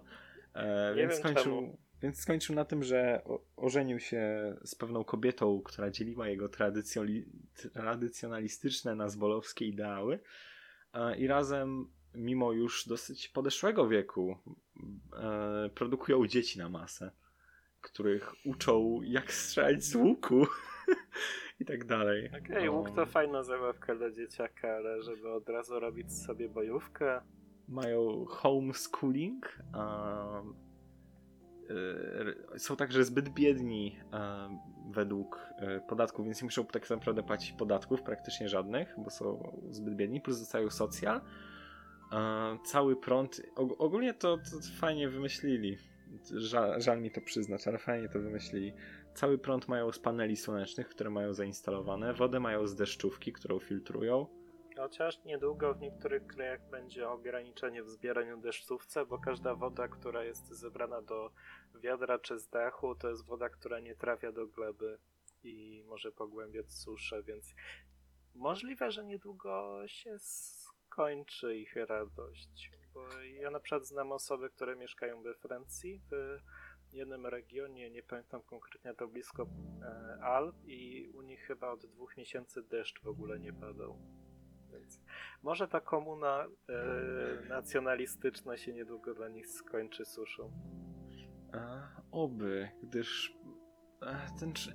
Nie czuję się dobrze, wiedząc, że ten człowiek ma jakiekolwiek zwierzchnictwo nad dziećmi w dużej ilości. Um, nawet jeżeli ich by nie krzywdził, powiedzmy, fizycznie, to wydaje mi się, że w sposób wychowania, jaki on ma, mógłby stanowić traumę dla tego dziecka na dłuższą metę. Mhm. No tak czy siak, jego kanał na YouTube został e, z, zbanowany. E, Chyba nadal pisze na swoim alcie na Twitterze czasami jakieś rzeczy. I chyba ma Telegrama, bo na Twitterze chyba został zbanowany. To jest ten brodacz z Telegrama? Tak, to jest ten brodacz z Telegrama, tak, tak, tak, to on. Ale ma toksyczna community, ma grupę, kurde, 300 jakichś nas boli z całego świata. A napisałem tylko l- lol, jesteście do dupy i odeszłem z kanału, jak to zobaczyłem na Telegramie. I od razu zaczęli jakieś 10 osób wypisywać, że hej, chcesz być zdoksowany? Hej, debatujmy. I tak Hej, napierdol, napierdolimy ci do dupy. Jakie absolutne pojeby. E, I to nawet kocham to, że oni nawet nie mają podobnych poglądów, bo ten typ ma właśnie to, te poglądy nazbolowe połączone z takim jakimś folklorem, z jakąś mitologią norweską i tak dalej. Hail Czyli Odin. faszyzm. No tak, ale wiesz o co chodzi. To taka odłama faszyzmu, e, skupiająca się na tej mitologii konkretnie. Faszyzm się dzieli tylko i wyłącznie na odłamy narodowe, ponieważ nacjonalizm zawsze konkuruje z nacjonalizmem. Tak, ale nie niektóre faszyzmy są bardziej na przykład chrześcijańskie, niektóre są bardziej mitologiczne właśnie. Um, Zawsze musi być mit. Czy to Arianie i Germania, czy to yy, nie wiem nordyccy bogowie. to tak, to tak. Um, grunt, że jego fani nawet się różnią tak naprawdę w sposobie podejścia do tego, co w nim doceniają. Bo niektórzy doceniają po prostu ekstremizm okropny i to, że ten człowiek nie, nie boi się życia w dziczy, zabijania innych ludzi i tak dalej. A nawet mogą być skrajnymi islamistami, czyli coś, co kompletnie się, co walczy tak naprawdę z tym e, mitologią norweską. faszyzmem i w ogóle. No, ale wystarczy, że jest wystarczająco ekstremalny i to jest. To wystarczy dla tych ludzi. um, no, ale może coś o tym Eronymusie jeszcze, co udało mi się przygotować. Um, więc ten Eronymus w porównaniu do Warga, on nie ma za bardzo podłoża politycznego. On wydaje się być bardziej populistyczny, jeśli cokolwiek, gdyż e, w wywiadach, czy w jakichkolwiek listach, czy gdziekolwiek, e, jeśli wypowiadał się o kwestii politycznej, jako o kwestiach politycznych, zawsze wydawał się być bardzo po prostu nastawiony skrajnie do wszystkiego. E, Mówił, że był przeciwko indywidualizmowi, przeciwko współczuciu, przeciwko pokoju i przeciwko e, radości i szczęściu. Edgelord. Chciał rozszerzać tam nienawiść, zło i tak dalej. E, W jakimś wywiadzie z 92 powiedział, że e, hardkorowe świnie, chodzi o hardkorowy punk, który wtedy rozwijał się też w Norwegii, em, zrobiły z siebie obrońców moralności i musimy ich za to kopać po mordach e, i zostać obrońcami antymoralności. Bo wtedy hardcore punk stał się, znaczy stał się, od zawsze był bardzo lewicowy i progresywny w swoim przekazie. A ja Um. mówię na to Edgelord. No absolutny edgelord. Wiesz, biało-czarne malunki na twarzy, czarne włosy, a do tego jeszcze szaty czarne. Um, Mamo, na- mamo, pójdziemy jeszcze raz na Matrix. W następnym roku em, w magazynie jednym, któremu dał wywiadu, powiedział, że nic, co e, nie ma niczego, co jest za bardzo chore, albo za bardzo złe, albo za bardzo em, zwyrodniałe. Powiedział, że nie ma żadnych problemów z zabiciem kogoś w zimnej krwi. A jego jeden kolega e, pod pseudonimem Metalion, który znał Eronimusa od 85 i uznał go za bliskiego przyjaciela, powiedział, że Eronimus zawsze y, mówił to, co miał na myśli, nigdy się nie krył z tym, co miał na myśli i tak dalej. Podążał za swoimi instynktami, wielbił śmierć i bycie ekstremalnym. Um, ten sklep, który prowadził e, Helveta, Edgelord. E, ten sklep był, działał jak e, światło na ćmy, gdyż przyciągał wielu młodych, bardzo łatwych do zaimponowania ludzi, którzy nawet go idol, ideol, ideol, kurwa, Idealizowali. idealizowali go. Um, jednakże dużo osób, które zna Eronymusa, e, mówiło, że ten taki ekstremalny, satanistyczny imidż, który on e, starał się przedstawiać, był tylko imidżem, który w sumie nie za bardzo był podobny z prawdziwym nim. Prawdziwy on był bardziej przeliczony, wszystko to starał się robić tak bardziej dla kasy, Coś starał tak się- podejrzewałem, ale... no, e, ten e, Necrobutcher e, ma taki cytat, że było dużo dymu, ale nie za bardzo dużo ognia.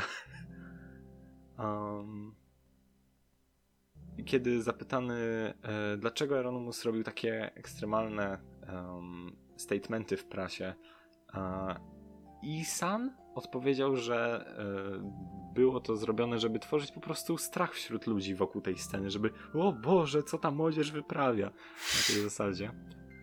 Um, myślał, że żeby to stworzyć taką, e, taki ruch opozycyjny do tego, co jest w społeczeństwie ogólnie akceptowane i tak dalej. Starał się bardziej brzmieć jak najbardziej radykalniej niż rzeczywiście być satanistą czy kimkolwiek. Ten Mannheim, czyli jeden z oryginalnych założycieli,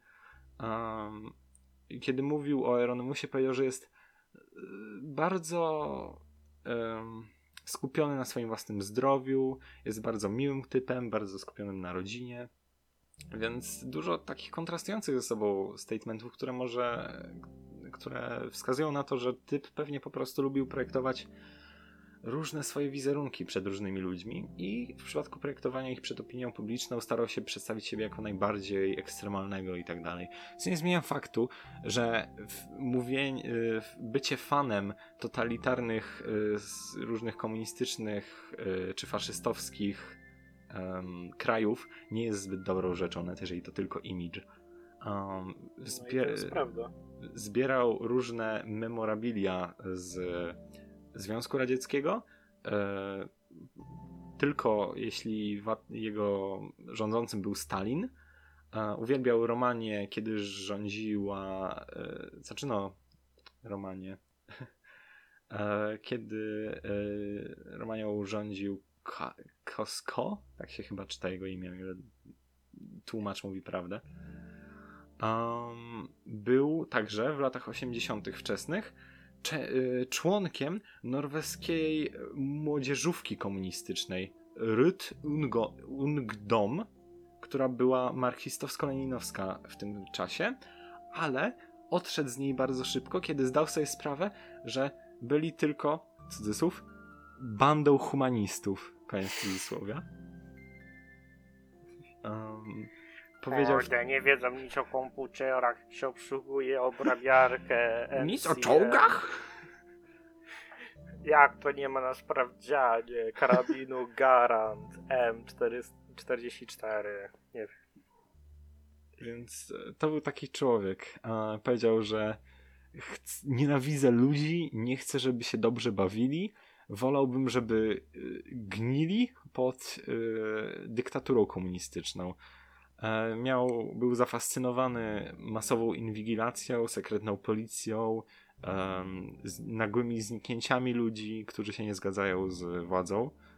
Um, ten Człowiek obecny ma wokal... takie fascynacje, to może zostać Orwellem i pisać ciekawe książki albo być zjebem. On wybrał metal.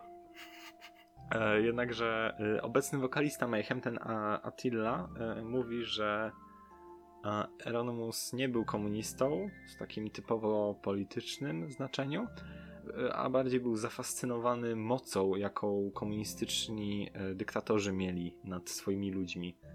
Co jest tylko kolejnym e, wspierającym faktem, że nie był lewakiem. Hellhammer, inny śmieszny faszysta, z norweskiej sceny black metalowej powiedział kiedyś, że Eronimus e, chciał być najbardziej ekstremalną e, osobą, jaka istnieje i myślał, że komunizm jest bardzo ekstremalny. Stąd to przyszło. ale potem mówił o sobie też, że jest faszystą, więc jakby to nie ma w ogóle znaczenia. Nazbol absolutny nazbol. Eronimus potem w listach e, z wczesnych lat 90. mówił, że prawie wszystkie norweskie black metalowe zespoły e, w tych czasach, w których on to pisał, były mniej lub bardziej nazistami. Włącznie z Mayhem, jednak nie używał swojej muzyki, żeby promować nazizm. E, w sensie w tekstach nie ma żadnych nazistowskich treści e, na podstawie tego, co patrzyłem. Tylko no właśnie takie satanistyczne i bla bla bla. Uuu, wszyscy zginą i tak dalej.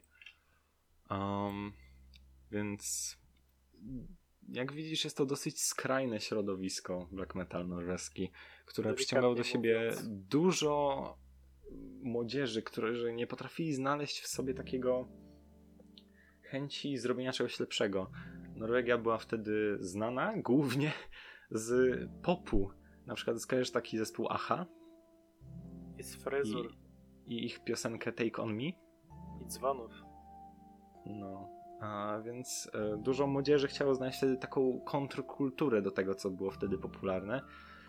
Niestety zamiast znaleźć ją w hardkorowym punku lewicowym albo nawet w tym popie, tylko zrobienia go, nie wiem, trochę mroc mroczniejszym, postanowili zrobić taką scenę, która miała być bardzo ekstremalna, ale oprócz ekstremalnej muzyki postanowili zawrzeć tam też ekstremalny, um, ekstremalny, ekstremalne poglądy polityczne oraz ekstremalne akcje spalenia kościołów i zabijania że wtedy władze mieli w ogóle w krajach skandynawskich socjaldemokracja, lewica i było kojarzone po prostu popularna kultura, obecna władza, jako całość lewicowe i próbowali się po drugiej stronie zawsze tego ustanowić. Zresztą e, Norwegia dopiero dzisiaj aplikuje do NATO i chyba już została dołączona. Tak? Czekaj, aż sprawdzę to. Mów dalej. Wcześniej Norwegia nie była w NATO w ogóle, o ile dobrze pamiętam. I parę kilometrów od ich granicy leżał już Związek Radziecki z pełnią broni jądrowej. O ile się nie mylę. Jeśli to są lata 90., to Związek Radziecki się rozpadał, bo nie jestem dobry w datach. E, grunt, że groziła ich nuklearna anihilacja w przypadku jakiegokolwiek konfliktu oraz znoszenie przez młodzież nie zawsze zrozumianych polityk państwowych i kultury popularnej, do której zawsze wyrasta pokolenie, żeby się kontrować. Chyba zrobiłeś Everesta a propos tego dołączenia do NATO. Naprawdę? E, przynajmniej tak mi mówi internet. E, Norwegia była jednym z państw założycielskich NATO akurat. Ale są głupi. nie, spoko. E, bo chyba ty mówiłeś o tym, że Norwegia próbuje się teraz dostać do nie NATO, a Unii Europejskiej. Do Unii Europejskiej dalej nie. Jest, No, e, dalej ale się nie stało, ale Szwecja i. Finlandia dołącza. Tak, tak, tak. Norwegia nie dołączy, bo obywatele nie chcą, więc są po prostu w paktach, że przyjmują część regulacji europejskich, płacą fundusze norweskie, tak zwane, czyli pieniądze do kasy europejskiej oraz e, w zamian za to mogą uczestniczyć w wspólnym rynku oraz e, w łatwiejszym przekraczaniu granicy bezwizowym oraz wspólnych cłach. No tak, bo 90 bodajże 90 czy 80 chyba całego towaru z rynku norweskiego jest tak naprawdę e, przeznaczony na rynek europejski. A więc nie, nie dziwi mi to. Ale mniejsza o polityce. No. E, A Czy ty jeszcze masz co? do dodania?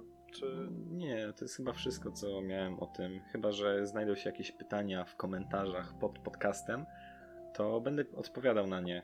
Więc Zapraszam też na naszego Twittera, żeby nas oznaczać, jeśli macie jakieś e, pytania czy temat. Właśnie, właśnie. Ja przygotowałem e, jako temat film Gaslight z 1944 roku. E, W opisie filmu na YouTubie oraz e, zakładam, że na platformach też dodam opis, będziecie mieć zakres czasowy, w którym e, będą spoilery, więc zalecam zajrzeć. E, Film jest na podstawie sztuki teatralnej o tym samym tytule i tematyce z roku 1938 roku. Akcja dzieje się w czasach wiktoriańskich, w niesprecyzowanym konkretnie roku. W Anglii, w Londynie na Thornton Square 9 dochodzi do morderstwa słynnej śpiewaczki operowej Alice Aquist.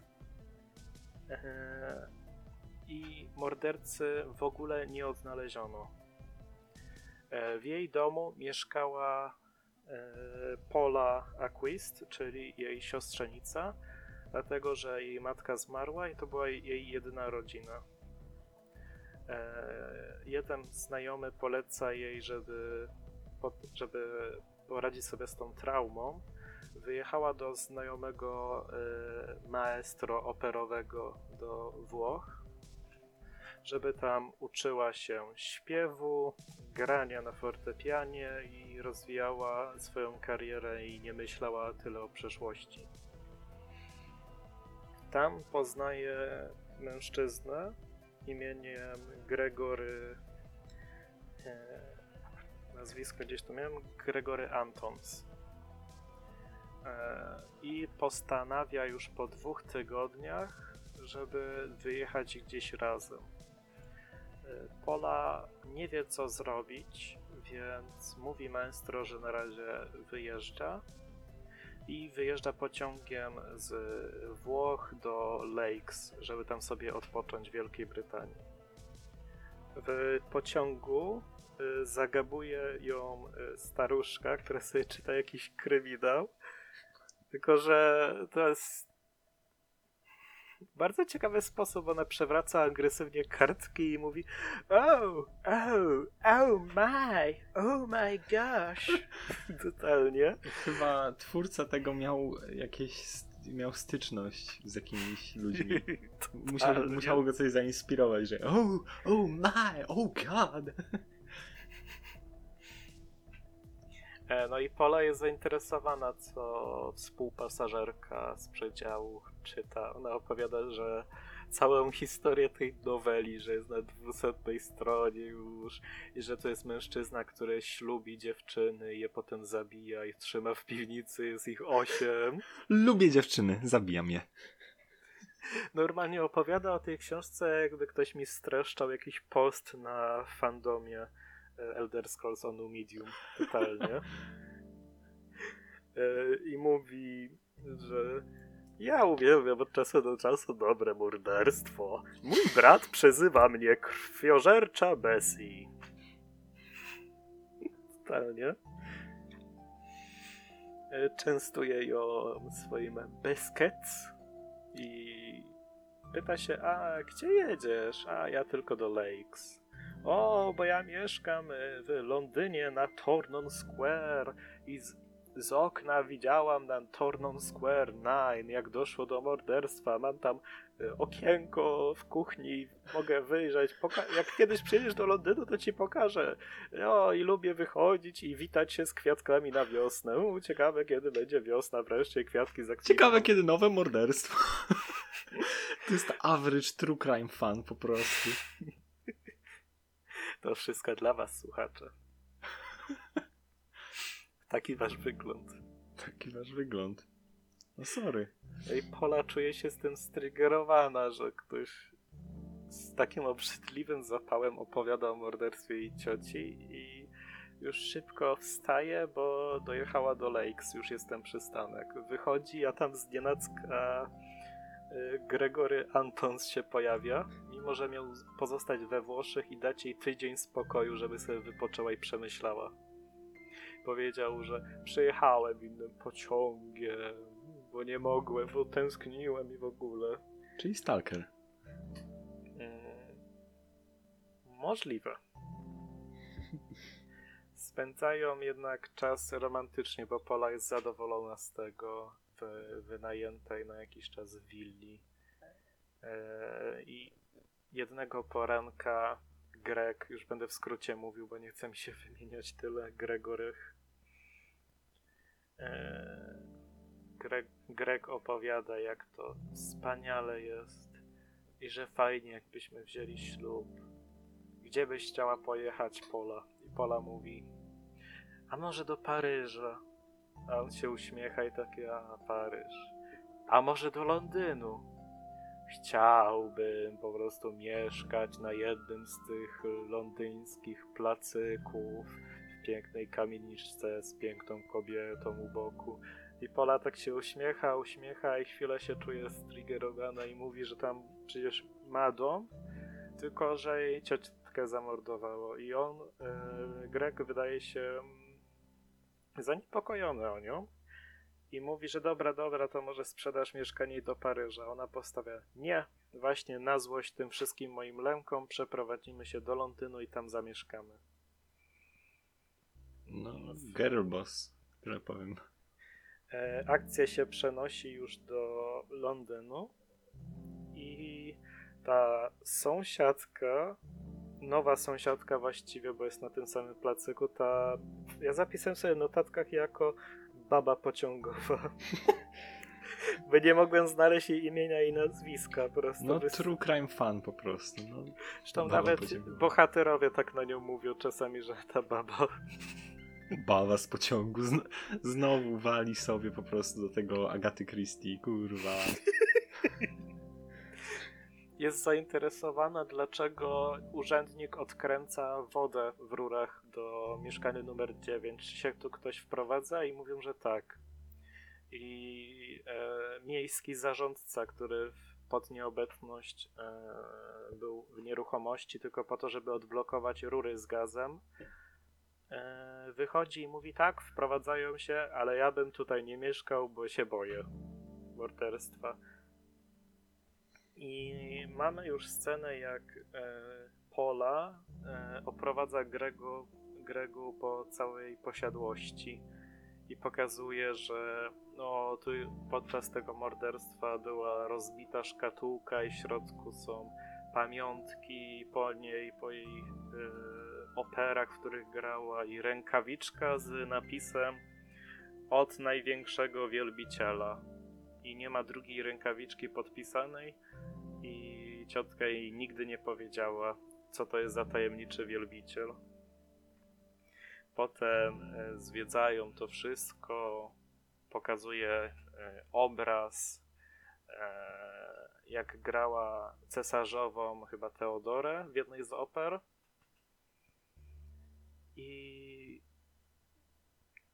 przez chwilę Pola przypomina sobie, że pod tym kominkiem, pod tym obrazem ona leżała uduszona jej ciotka. I Greg natychmiast podnosi ją i mówi: Nie, nie możemy tak tu żyć. Te wszystkie meble, te obrazy przypominają ci o niej. Ja wyniosę te wszystkie meble na strych, zawalę podłogę i zabiję deskami drzwi, żeby to zostało i żebyś mogła żyć na spokojnie i spędzić e, miesiąc miodowy. Greg siada, otwiera fortepian i zaczyna na nim grać jedną z operek, oper, w którą grała Alice Alquist. Mm, Pola przegląda zeszyt z nutami i znajduje tam ciekawy list. Droga panno Alquist, błagam o jeszcze jedno spotkanie. Przyjechałem za panią do Londynu. I mówi, że to zostało zapisane data dwa dni przed jej śmiercią. I podpisał się po tym Sergis Bauer. A jej już mąż Greg ze złością zabiera ten list i ją chwyta ściskiem mocno i krzyczy daj mi to.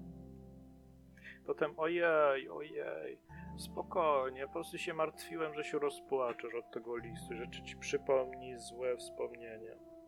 A, i stąd gaslight, bo są gaslights, czyli te światła na Londynie, ale są też gaslight jako czynność manipulacyjna jakby. Do światła lampy gazowej jeszcze dojdziemy, bo ma ogromne znaczenie w tej historii. Wow.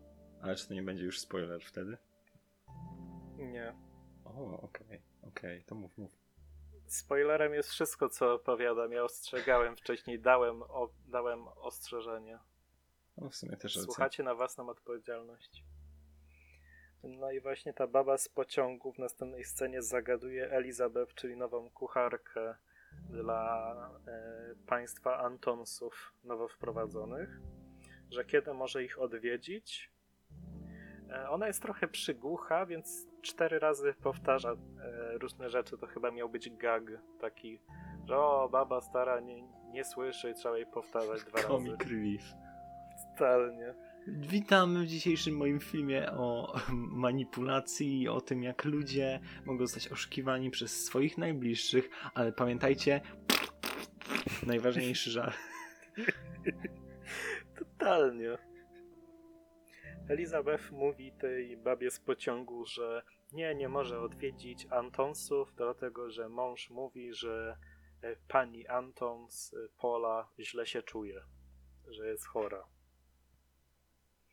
Mm. Kucharka wchodzi do mieszkania i słyszy właśnie, jak Greg rozmawia z nową y, pokojówką i rozmawiają o pensji, że tam będzie jej płacił 16 funtów rocznie i zapewni pokój z wyżywieniem i wszystko. Jak sobie podliczyłem, to 16 funtów rocznie to na obecne polskie złote wychodzi 400 złotych, a na tamte czasy siła pieniądza nabywcza była dużo wyższa, więc to całkiem niezła pensja. Zresztą e, sama e, pokojówka, e, jak ona miała na imię? Tam imiona tutaj naprawdę rzadko padają, no bo są po prostu przez kobieta, co się powtarza.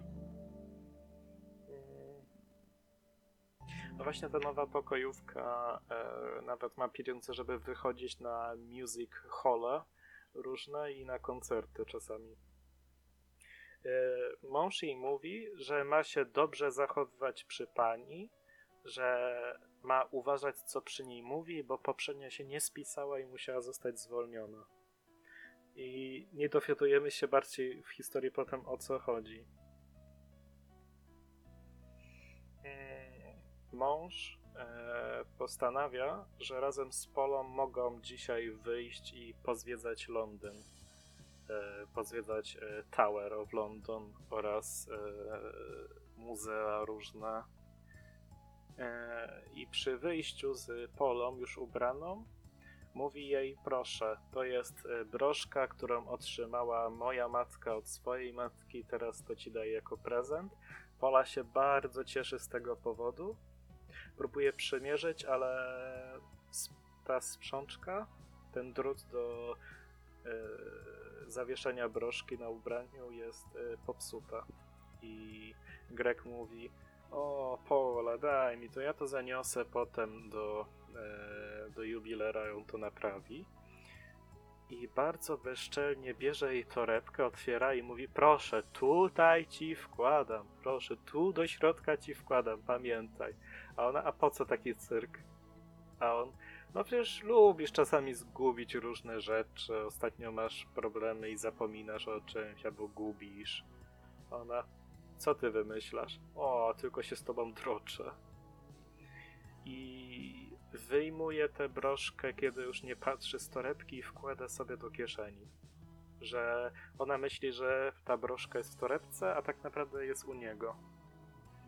Podczas zwiedzania e, Tower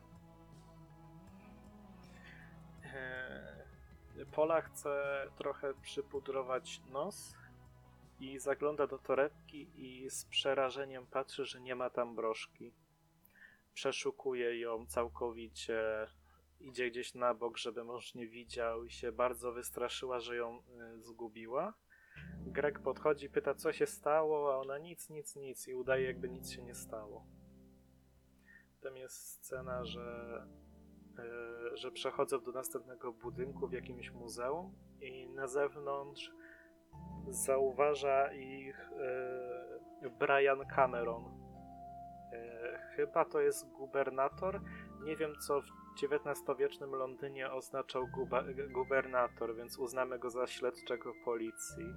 I on e, podnosi kapelutek, żeby się przywitać z Polą, ale zachowuje się, jakby widział ducha, i potem tłumaczy, że myśl- myślałem, że ona umarła, że ona nie żyje, bo pomylił ją z jej ciocią, tak są podobno. I Greg postanawia, że zrobi Poli pogadankę, czemu się ukłania obcym ludziom, jakich nie zna. Czy ty nie pamiętasz, kto to jest? I tak się wyciera na nią, że jak to ty obcym ludziom się kłaniasz, ty ich nie znasz, czy ty nie pamiętasz, rozum postradałaś, coś tego typu. Eee, potem mówi spokojnie, pewnie zmęczona jesteś. Tam zwiedzimy tylko klejnoty królewskie i wrócimy do domu. Co za chuj w ogóle. Jakby No. manipuluje cały czas, a ona nie, nie, nie robi czegoś z tym? No to są lata i to nawet dzisiaj się zdarza, że wychowuje się kobiety na to, żeby były posłuszne i ufne wobec e, ojca, a potem męża i żeby były uległe, żeby je łatwiej kontrolować. W ogóle off top. E, krematorium, e, skład krematorium nie zaleca z, i żenienia się z kimś, kogo się zna tak krótko, bo ten ktoś może jedynie udawać być jakimś. Trzeba dobrze kogoś poznać. Nie, nie Dobrze ona. poznajcie oraz obserwujcie na każde sygnały, na każdy red flag uważajcie. No i po powrocie do domu yy, Pola jest bliska płaczu, przed mężem Grekiem rozsypuje torebkę i mówi nie ma, nie ma broszki, a on tak bardzo ironicznym głosem och Pola, jak mogłaś to zgubić? Oj, spokojnie, to nie było nic wartościowego. I ona już bardzo zestresowana mówi, że no przecież to była broszka twojej matki, jak ja mogłam, ja cię przepraszam.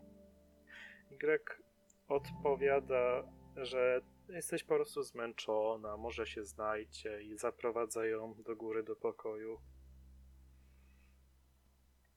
Hmm. Pola w pokoju kiedy już Greg wychodzi do pracy, ponieważ mówi, że wynajął studio w Londynie, bo nie może się skupić na komponowaniu muzyki w domu, więc na noc wychodzi około 20 którejś do 3-4 rano pracuje w studiu gdzieś poza domem. Kiedy on wychodzi, to Pola zauważa, że lampa gazowa w jej pokoju przygasa bez powodu. Próbuje to uregulować, ale nie działa. Pyta się pokojówek, pokojówki i kucharki, czy może coś nie odpaliły mocnego na gazówce, ale nie, w kuchni nikt nic nie gotuje. E, pokojówka śpi, więc nie ma powodu, dlaczego e, gaz miałby zmalać. Zmaleć. E, Brian zaczyna śledzić mm, tą parę i obserwuje ich dom i pyta się tej baby z pociągu, czy to jest ten dom i jak długo jest zajmowany. E, Po czym odpowiada ta baba z pociągu, że widziała tylko i wyłącznie w nocy, jak e, Greg wychodzi do pracy, a Pola w ogóle nie wychodzi z domu, zostaje w domu. Po czym Brian mówi: To bzdura, przecież ona wychodzi z domu, zobacz. I Pola właśnie pierwszy raz sama próbuje wyjść z domu, wychodzi na zewnątrz, jest bardzo zestresowana, rozgląda się wszędzie, chce wezwać taksówkarza, ale szybko wróciła do domu i poprosiła pokojówkę o parasol. A pokojówka się pyta, a gdzie pani wychodzi? Bo mąż chce wiedzieć, gdzie panią szukać potem. E, na spacer. A gdzie konkretnie, proszę pani? Gdzie pani wychodzi? Co mam powiedzieć mężowi, jak wróci? I ona wtedy się rozpakuje i wraca do domu całkowicie. Bo widocznie e, czuje, że nie powinna wychodzić z domu z jakiegoś powodu. Że mąż nie chce, żeby wyłaziła z domu. Tak już jakby została zmanipulowana przez niego i otoczenie wokół. Tak. Następna scena jest w jakimś urzędzie i Brian przełożonym prosi o akta sprawy z zabójstwa Alice oraz e, chce ponownie zbadać sprawę. Dowiaduje się od przełożonych czegoś, czego nie było w aktach ani w gazecie, że przy okazji tego morderstwa zniknęły z jej domu e, klejnoty jakiejś korony królewskiej z jakiegoś niewiadomego kraju i że to mogło być motywem morderstwa. Przy wychodzeniu z komisariatu prosi policjanta o to stojącego, że czy jest pan żonaty? Nie, nie, nie, nie jestem. A jaką część Londynu obserwujesz? E, jakiś tam West Ham, czy jakaś inna po prostu borough londyńskie. A, a załatwić ci przeniesienie? Bardzo chętnie. I przenosi tego policjanta na rejon, gdzie jest właśnie Torn Square, po to, by obserwować zachowanie Grega i gdzie wychodzi. E, Następna scena przenosi nas z powrotem do domu na Thornton Square 9 i tam e, sobie Greg śpi z papierosem w gębie na kanapie po prostu i Pola chce się ogrzać, więc próbuje samodzielnie dołożyć e, drewno do kominka, bo nie chce budzić Greka, a też nie chce wzywać służące, bo one już jest wieczór, to niech sobie tam odpoczną i się zajmą sobą. E, ale Greg się budzi nagle i mówi, żeby zostawiła te drewno, żeby nie ruszała kominka i tłumaczy jej jak małemu dziecku, ale pamiętasz, do, do czego służy służba, tak? Żebyś nie musiała sama, pamiętasz przecież, tak? A ona mówi, no tak, ale nie chciałem budzić. Ale ty się boisz służących. Natychmiast zadzwoń dzwonkiem, żeby przyszły i ci rozpaliły w kominku. Ona, nie, nie, nie trzeba. Wtedy Greg krzyczy na nią, żeby natychmiast to zrobiło. Po to, żeby z tą jedną pokojówką e, miała bifa, że tak powiem. Żeby się nie lubiły. Żeby Pola nabrała strachu, że wszyscy są przeciwko niej w domu, z wyjątkiem Grega, który się nią opiekuje. Czyli dosłownie tortury psychiczne. Tak, gaslighting nawet Wow, ale super. E, i służka przychodzi i wtedy Greg mówi no, pamiętasz co chciałaś jej powiedzieć, o co chciałaś ją poprosić? A ona tak, proszę dołóż do kominka.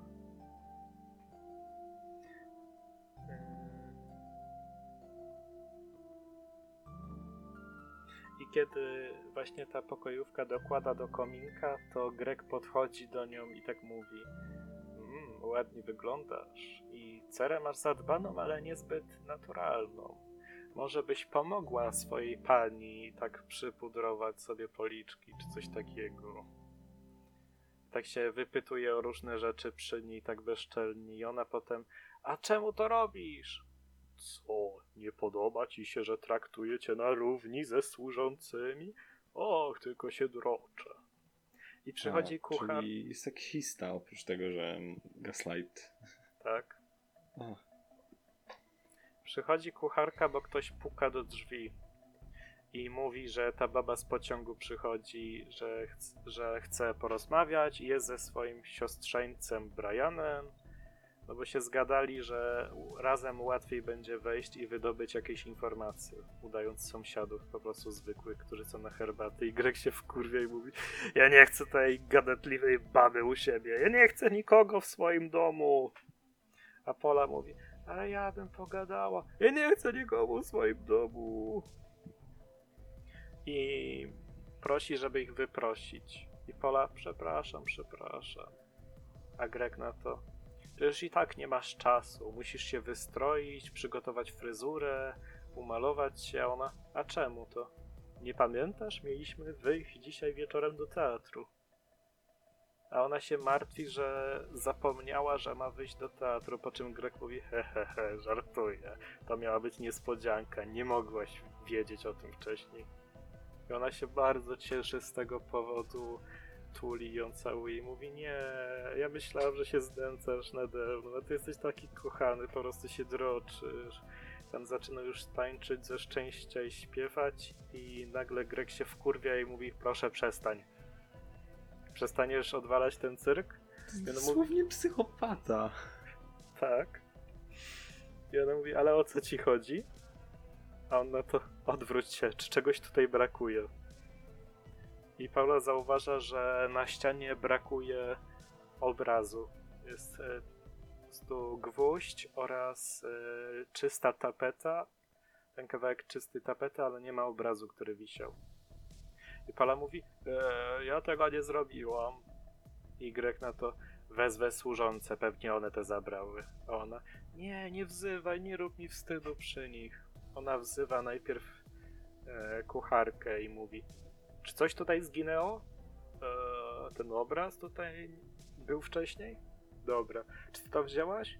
Nie. Chodzisz do kościoła? Tak. To jak tego nie zrobiłaś, to ucałuj Biblię i przyrzeknij, że tego nie zrobiłaś. I ona całuje i mówi, dobra, możesz wyjść. Teraz pokojówkę wezwę. Nie, nie wzywaj jej, nie rób mi przykrości przed nią. On i tak wzywa i m- pyta się, czy coś tutaj zniknęło? Tak, ten obraz. E, ty to zrobiłaś? Nie, ale można powiesić coś ładniejszego na tym miejscu. I się pyta Pauli, ona też ma pocałować Biblię, czy jej wierzysz, że tego nie zrobiła? Ona się rozpakuje i mówi, dobra, dobra, puść ją. Greg natychmiast jej każe znaleźć ten obraz. I ona idzie gdzieś po schodach i zauważa, że za jakimś posągiem leży obraz zdjęty i mówi, że to jest to. Ej, ej, to nie ja zrobiłam, to nie ja. Po prostu tu spojrzałam i parę razy wcześniej też się ten sam obraz tu znalazł. I on takie. Yy, I on ma takie po prostu.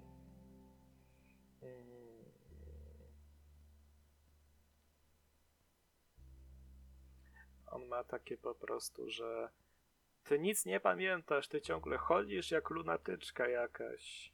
Może jesteś zmęczona, idź sobie odpocznij, a ja. Yy, I oraz nie jesteś zbyt chora dzisiaj, żeby pójść do teatru. I wychodzi bez słowa do pracy. Paula dostaje ataku paniki, ponieważ słyszy kroki i głos e, na suficie i znowu lampa gazowa przygasa przez całą noc i nie może spać.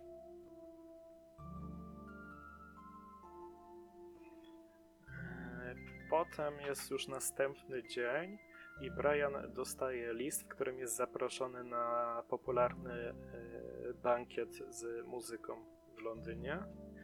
Jest e, zaproszony wiele osobistości muzycznych, w tym właśnie państwo Antons. Więc Brian pyta się organizatorów, czy może usiąść obok Grega Antonsa, bo chce wydobyć informacje. Na co dostaje odpowiedź, że Antonsowie nie przyjdą, bo Greg zostawił list, że Paula choruje, że niestety nie mogą przyjść. E, w tym samym czasie Paula mówi, że e, pój, pójdźmy, no pójdźmy do tego, ja się już czuję lepiej. A Greg na to po prostu sobie zwija papierosy, czy co on tam robił z papierosami w papierośnicy i mówi, no to wiesz, że będziesz musiała sama pójść, na pewno chcesz? A ona tak, tak, sama sobie poradzę. I Greg jest striggerowany, że jak to, nie nagiął ją na tyle, że nie chce sama wychodzić z domu? Ona chce sama wyjść? Jak to możliwe? I ona mówi, o, Paula, no przecież wiesz, że pójdę z tobą, to jest dla ciebie takie ważne. Przychodzą trochę spóźnieni na bankiet i słuchają jakiegoś rosyjskiego pianisty. E, Brian jednak udało mu się zdobyć miejsce dwa siedzenia za nimi, więc obserwował ich e, zachowanie e, Grega oraz Poli. Greg zostawił zegarek w domu, kiedy wychodził, ale uprzęży na zegarek kieszonkowy e, nie odwiązał od marynarki. Była dalej ten, e, ten łańcuszek srebrny. I w trakcie przedstawienia Greg spogląda na zegarek i pokazuje Pauli: Paula, zegarek mi zniknął. I ona taka przestraszona, przestraszona i mówi: To nie ja, to nie ja. Zagląda do torebki i tam znajduje ten zegarek, bo ją Gre Greg wcześniej włożył i się rozpłakuje. Po czym Greg wynosi ją i mówi: Chyba się zbyt niedobrze czujesz, żeby wychodzić. Dosłownie coś takiego. W domu Greg wyzywa żonę od wariatek. E, I Paula na to mówi, że to wszystko się zaczęło, kiedy znalazła ten list. Ten list od Bauera, co wiesz, w tych e, nutach było. Mhm. E, I mąż na to, a tak, pamiętam. Pamiętam, jak wtedy stałaś i krzyczałaś, że znalazłaś list, a ręce miałaś puste. I stałem, e, stałem po prostu jak słup i nie wiedziałem, co zrobić. I mówi, że próbował e, zapomnieć o tej sytuacji, że zawsze jak spotyka ludzi, to świruje i ma wymysły, że wszyscy spiskują przeciwko niej i że e, że ma problemy z pamięcią, że wszystko gubi, że próbuje je trzymać w domu dla własnego dobra oraz wymyśla historię, że e, rozmawiał z lekarzami, którzy zajmowali się jej matką e, przed jej śmiercią i że ci lekarze powiedzieli mu, że ona umarła z szaleństwa i, mówi, mam ci wymienić symptomy? Najpierw zaczęła gubić rzeczy, zapominać, potem uznała, że wszyscy spiskują, a potem się zabiła w psychiatryku. Coś takiego i ona już do totalnego ataku paniki dostaje, jak to wszystko słyszy. I mówi, że załatwi jej lekarza albo dwóch, którzy znają tacy przypadki, więc niedługo w domu będą goście. Mówi to w taki sugestywny sposób, że nawet jakby listonosz przyszedł, to ona by listonoszowi nie otworzyła drzwi, nie spotkałaby się z żadnym gościem, bo by już myślała, że lekarze chcą ją zabrać do psychiatryka. Greg właśnie wychodzi z domu do tak zwanej pracy i jest śledzony przez Briana i policjanta. E, Brian i policjant dogadują się, że mąż wychodzi co wieczór z domu, idzie parę metrów, chowa się za winklem w jednej kamienicy i wraca do domu, ale wraca nie do dziewiątki, tylko do pustego mieszkania numer 5. Potem na kawie, kiedy jest Brian na kawie, to przychodzi znowu policjant i mówi, że zauważył go, jak wraca właśnie z tego mieszkania numer 5 do domu, że jest cały uwalony w smole i w piachu i że pewnie kopie jakiś tunel z piątki do dziewiątki.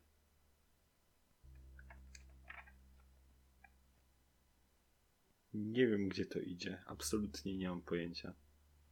Paula e, w następnej scenie czyta sobie książkę, próbuje jakoś przestać myśleć o tym wszystkim, zrelaksować się, ale ciągle tylko słyszy słowa Greka o jej matce, o jej e, chorobie i w ogóle. Przerywa to przyjście Briana. E, pokojówki próbują nie dopuścić Briana do domu, ale on i tak wchodzi, no bo jest, no wiesz, nogę w drzwi wstawi, jest silniejszy, to wejdzie i natychmiast idzie szukać Poli, żeby z nią porozmawiać. Na dowód na to, że nie jest lekarzem i nie przychodzi ją zabrać do psychiatryka, pokazuje jej rękawiczkę, którą dostał od Alice, jej cioci. Tam był jej podpis. Ona to potwierdza z rękawiczką, która ona miała od największego wielbiciela i mówi: Wow, dostałem to od twojej ciotki, kiedy miałem 12 lat. A, czyli ten wielki wielbiciel to dwunastolatek. I się dogadują. Grek zauważa, że światło zaczęło przygasać gazowe. I Pola się bardzo cieszy, bo myślała, że tylko jej się przewiduje, że światło w nocy zgasza i są kroki. Po czym e, Greg mówi, że też słyszy te kroki. Paula jest szczęśliwa, że nie jest wariatką, tylko że jest zdrowa. I Greg jej opowiada, że. Ech, Greg. Brian próbuje. Brian opowiada jej, że Greg chce ją zrobić z niej wariatkę po to, żeby odzyskać kamienie koronne, które gdzieś zostały ukryte w tym domu i uciec z tymi klejnotami, albo wysłać ją do psychiatryka i sprzedać dom i zarobić tak na niej. Przeszukuje biurko jego i odnajduje list od Bauera. I Paula jest zadowolona, że jednak to nie był jej wymysł, że naprawdę trzymała wtedy list od Bauera. Brian porównuje styl pisma z listu do bankietu, że Paula jest chora, z listem Bauera i potwierdza, że to jest całkowicie ten sam styl pisma. E, Brian postanawia wyjść z domu i w tym samym czasie Greg znajduje na, na strychu właśnie ty, w tych rzeczach te klejnoty koronne. Więc wraca spokojnie do domu e, i zauważa, że ktoś się włamał do jej biurka. Od razu krzyczy na Paulę, że nie jest w łóżku, czemu nie jest w łóżku, że czemu się tutaj włamałaś prosi pokojówkę o powiedzenie, czy ktoś wszedł do jej domu. I Paula mówi, no przecież pamiętasz, wpuściłaś yy, Briana do domu tego. Ona na to nikogo nie wpuściła. I Brian, kiedy to. Yy, Greg postanawia, kiedy to słyszy, że wrobi ją, że to wszystko, co widziała, ten cały gość, to jej się przyśnił pewnie, że ta trucizna że te kłamstwa zadziałały, już naprawdę jest chora i sobie zmyśla rzeczy, że jacyś goście przychodzą i postanawia ją zaprowadzić do łóżka i wtedy przez strych wchodzi Brian i mówi hej, hej, hej, panie morderco, pan jest zły, czy ja jestem duchem z wymysłów pana żony? Znalazł pan klejnoty i w ogóle zrobił pan tunel na ten strych i tak pan wchodzi i tam jest cała konfrontacja, te całe yy, wyjaśnienie wszystkich kłamstw i spraw Greg próbuje strychem uciec przez e, świetlik w strychu, ale zostaje zatrzymany i związany na krześle. Po czym dochodzi do naprawdę ciekawej sceny, bo Paula wchodzi i Greg próbuje ją zamotać, że proszę, odwiąż mnie, tam w szufladzie jest nóż, ja cię kocham, to tylko przez te klejnoty zwariowałem, daj mi drugą szansę. Czym ona otwiera szufladę i mówi, tutaj nie ma noża. On, jak to nie ma noża? Ona podnosi ten nóż, e, przykłada mu do szyi i mówi, przecież nie ma żadnego noża, to ci się wyobraziło, to twoje wymysły. A potem rzuca w kąt ten nóż, tak że go nie dosięgnie i mówi, przecież ja gubię rzeczy, ja sobie wymyślam rzeczy, ja zapominam, ja gubię rzeczy. I otwiera kolejną szufladę, żeby coś wyjąć na niego i znajduje tam tę broszkę, którą, z, e, którą podobno zgubiła. E, potem przychodzi policja, zabiera Grega do więzienia. Brian i Paula stoją na balkonie. Jest tam dialog sugerujący, że się potem zejdą razem. A ta sąsiadka, ta baba z pociągu wchodzi do mieszkania, patrzy jak się przytulają i o, o i wychodzi i koniec. Robi fourth wall break i mówi, a wiedziałam od początku. Telnie. E, Długa chyba ta książka. Znaczy, yy, wiesz, Dużo obrazków ma. dużo obrazków ma To ma 2,5 godziny film chyba. film. No. Ale to mnie zadziwiło, że naprawdę ma dobre zdjęcia, są dobrze sceny zrobione, jest zabawa cieniem, zabawa trochę światłem, a to jest rok 44, przypominam. Naprawdę dobre aktorstwo i dobrą fabułę, bo jest na podstawie sztuki teatralnej, a sztuka teatralna zawsze miała lepszą fabułę od kina, przynajmniej na początku. Czekaj, 44? Tak, 1944 rok. A... To już było po tych nalotach na Londyn, nie? E, tak, ale fabuła się dzieje w wiktoriańskim Londynie. A, okej, okej. Nie, bo tak się zastanawiam, że w sumie trudno by było odtworzyć niektóre pewnie sceny, patrząc na to, że Londyn był bombardowany przez dłuższy czas. No tak, ale nagrywano to w Stanach Zjednoczonych. Po prostu A, zrobili bardzo, bardzo dobrą robotę, znaleźli, zrobili ze znalezieniem miejsca oraz z charakteryzowaniem go, że nie zauważyłem w ogóle, że to kręcono w Ameryce. czyli skrótowo mówiąc, polecasz bardzo film. Yy, I o interesującej tematyce, mimo ym, jakby nie patrzeć, czasów dosyć odległych od nas. Jest polski wątek w tym filmie, bo muzykę skomponował Bronisław Kaper. Wow. Wow. Dla tych wszystkich, którzy czekają na napisy końcowe na polskie imię i nazwisko.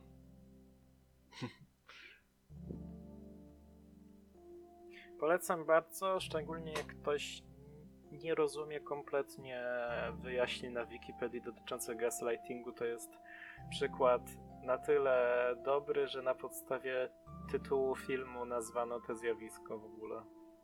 Jest bardzo nowoczesny film, polecam. Ma krematorium approval. Krematorium, naklejka, yy, polecajka krematorium. Więc co? Czy, czy masz coś jeszcze do dodania? Ja nie mam, a ty? Chyba Niedługo też nie. będę musiał kończyć, to dziękuję bardzo za słuchanie. Żegna się z Państwem Kuba oraz Alek, bardzo miło. zapraszam na naszego Twittera oraz piszcie komentarze na YouTubie.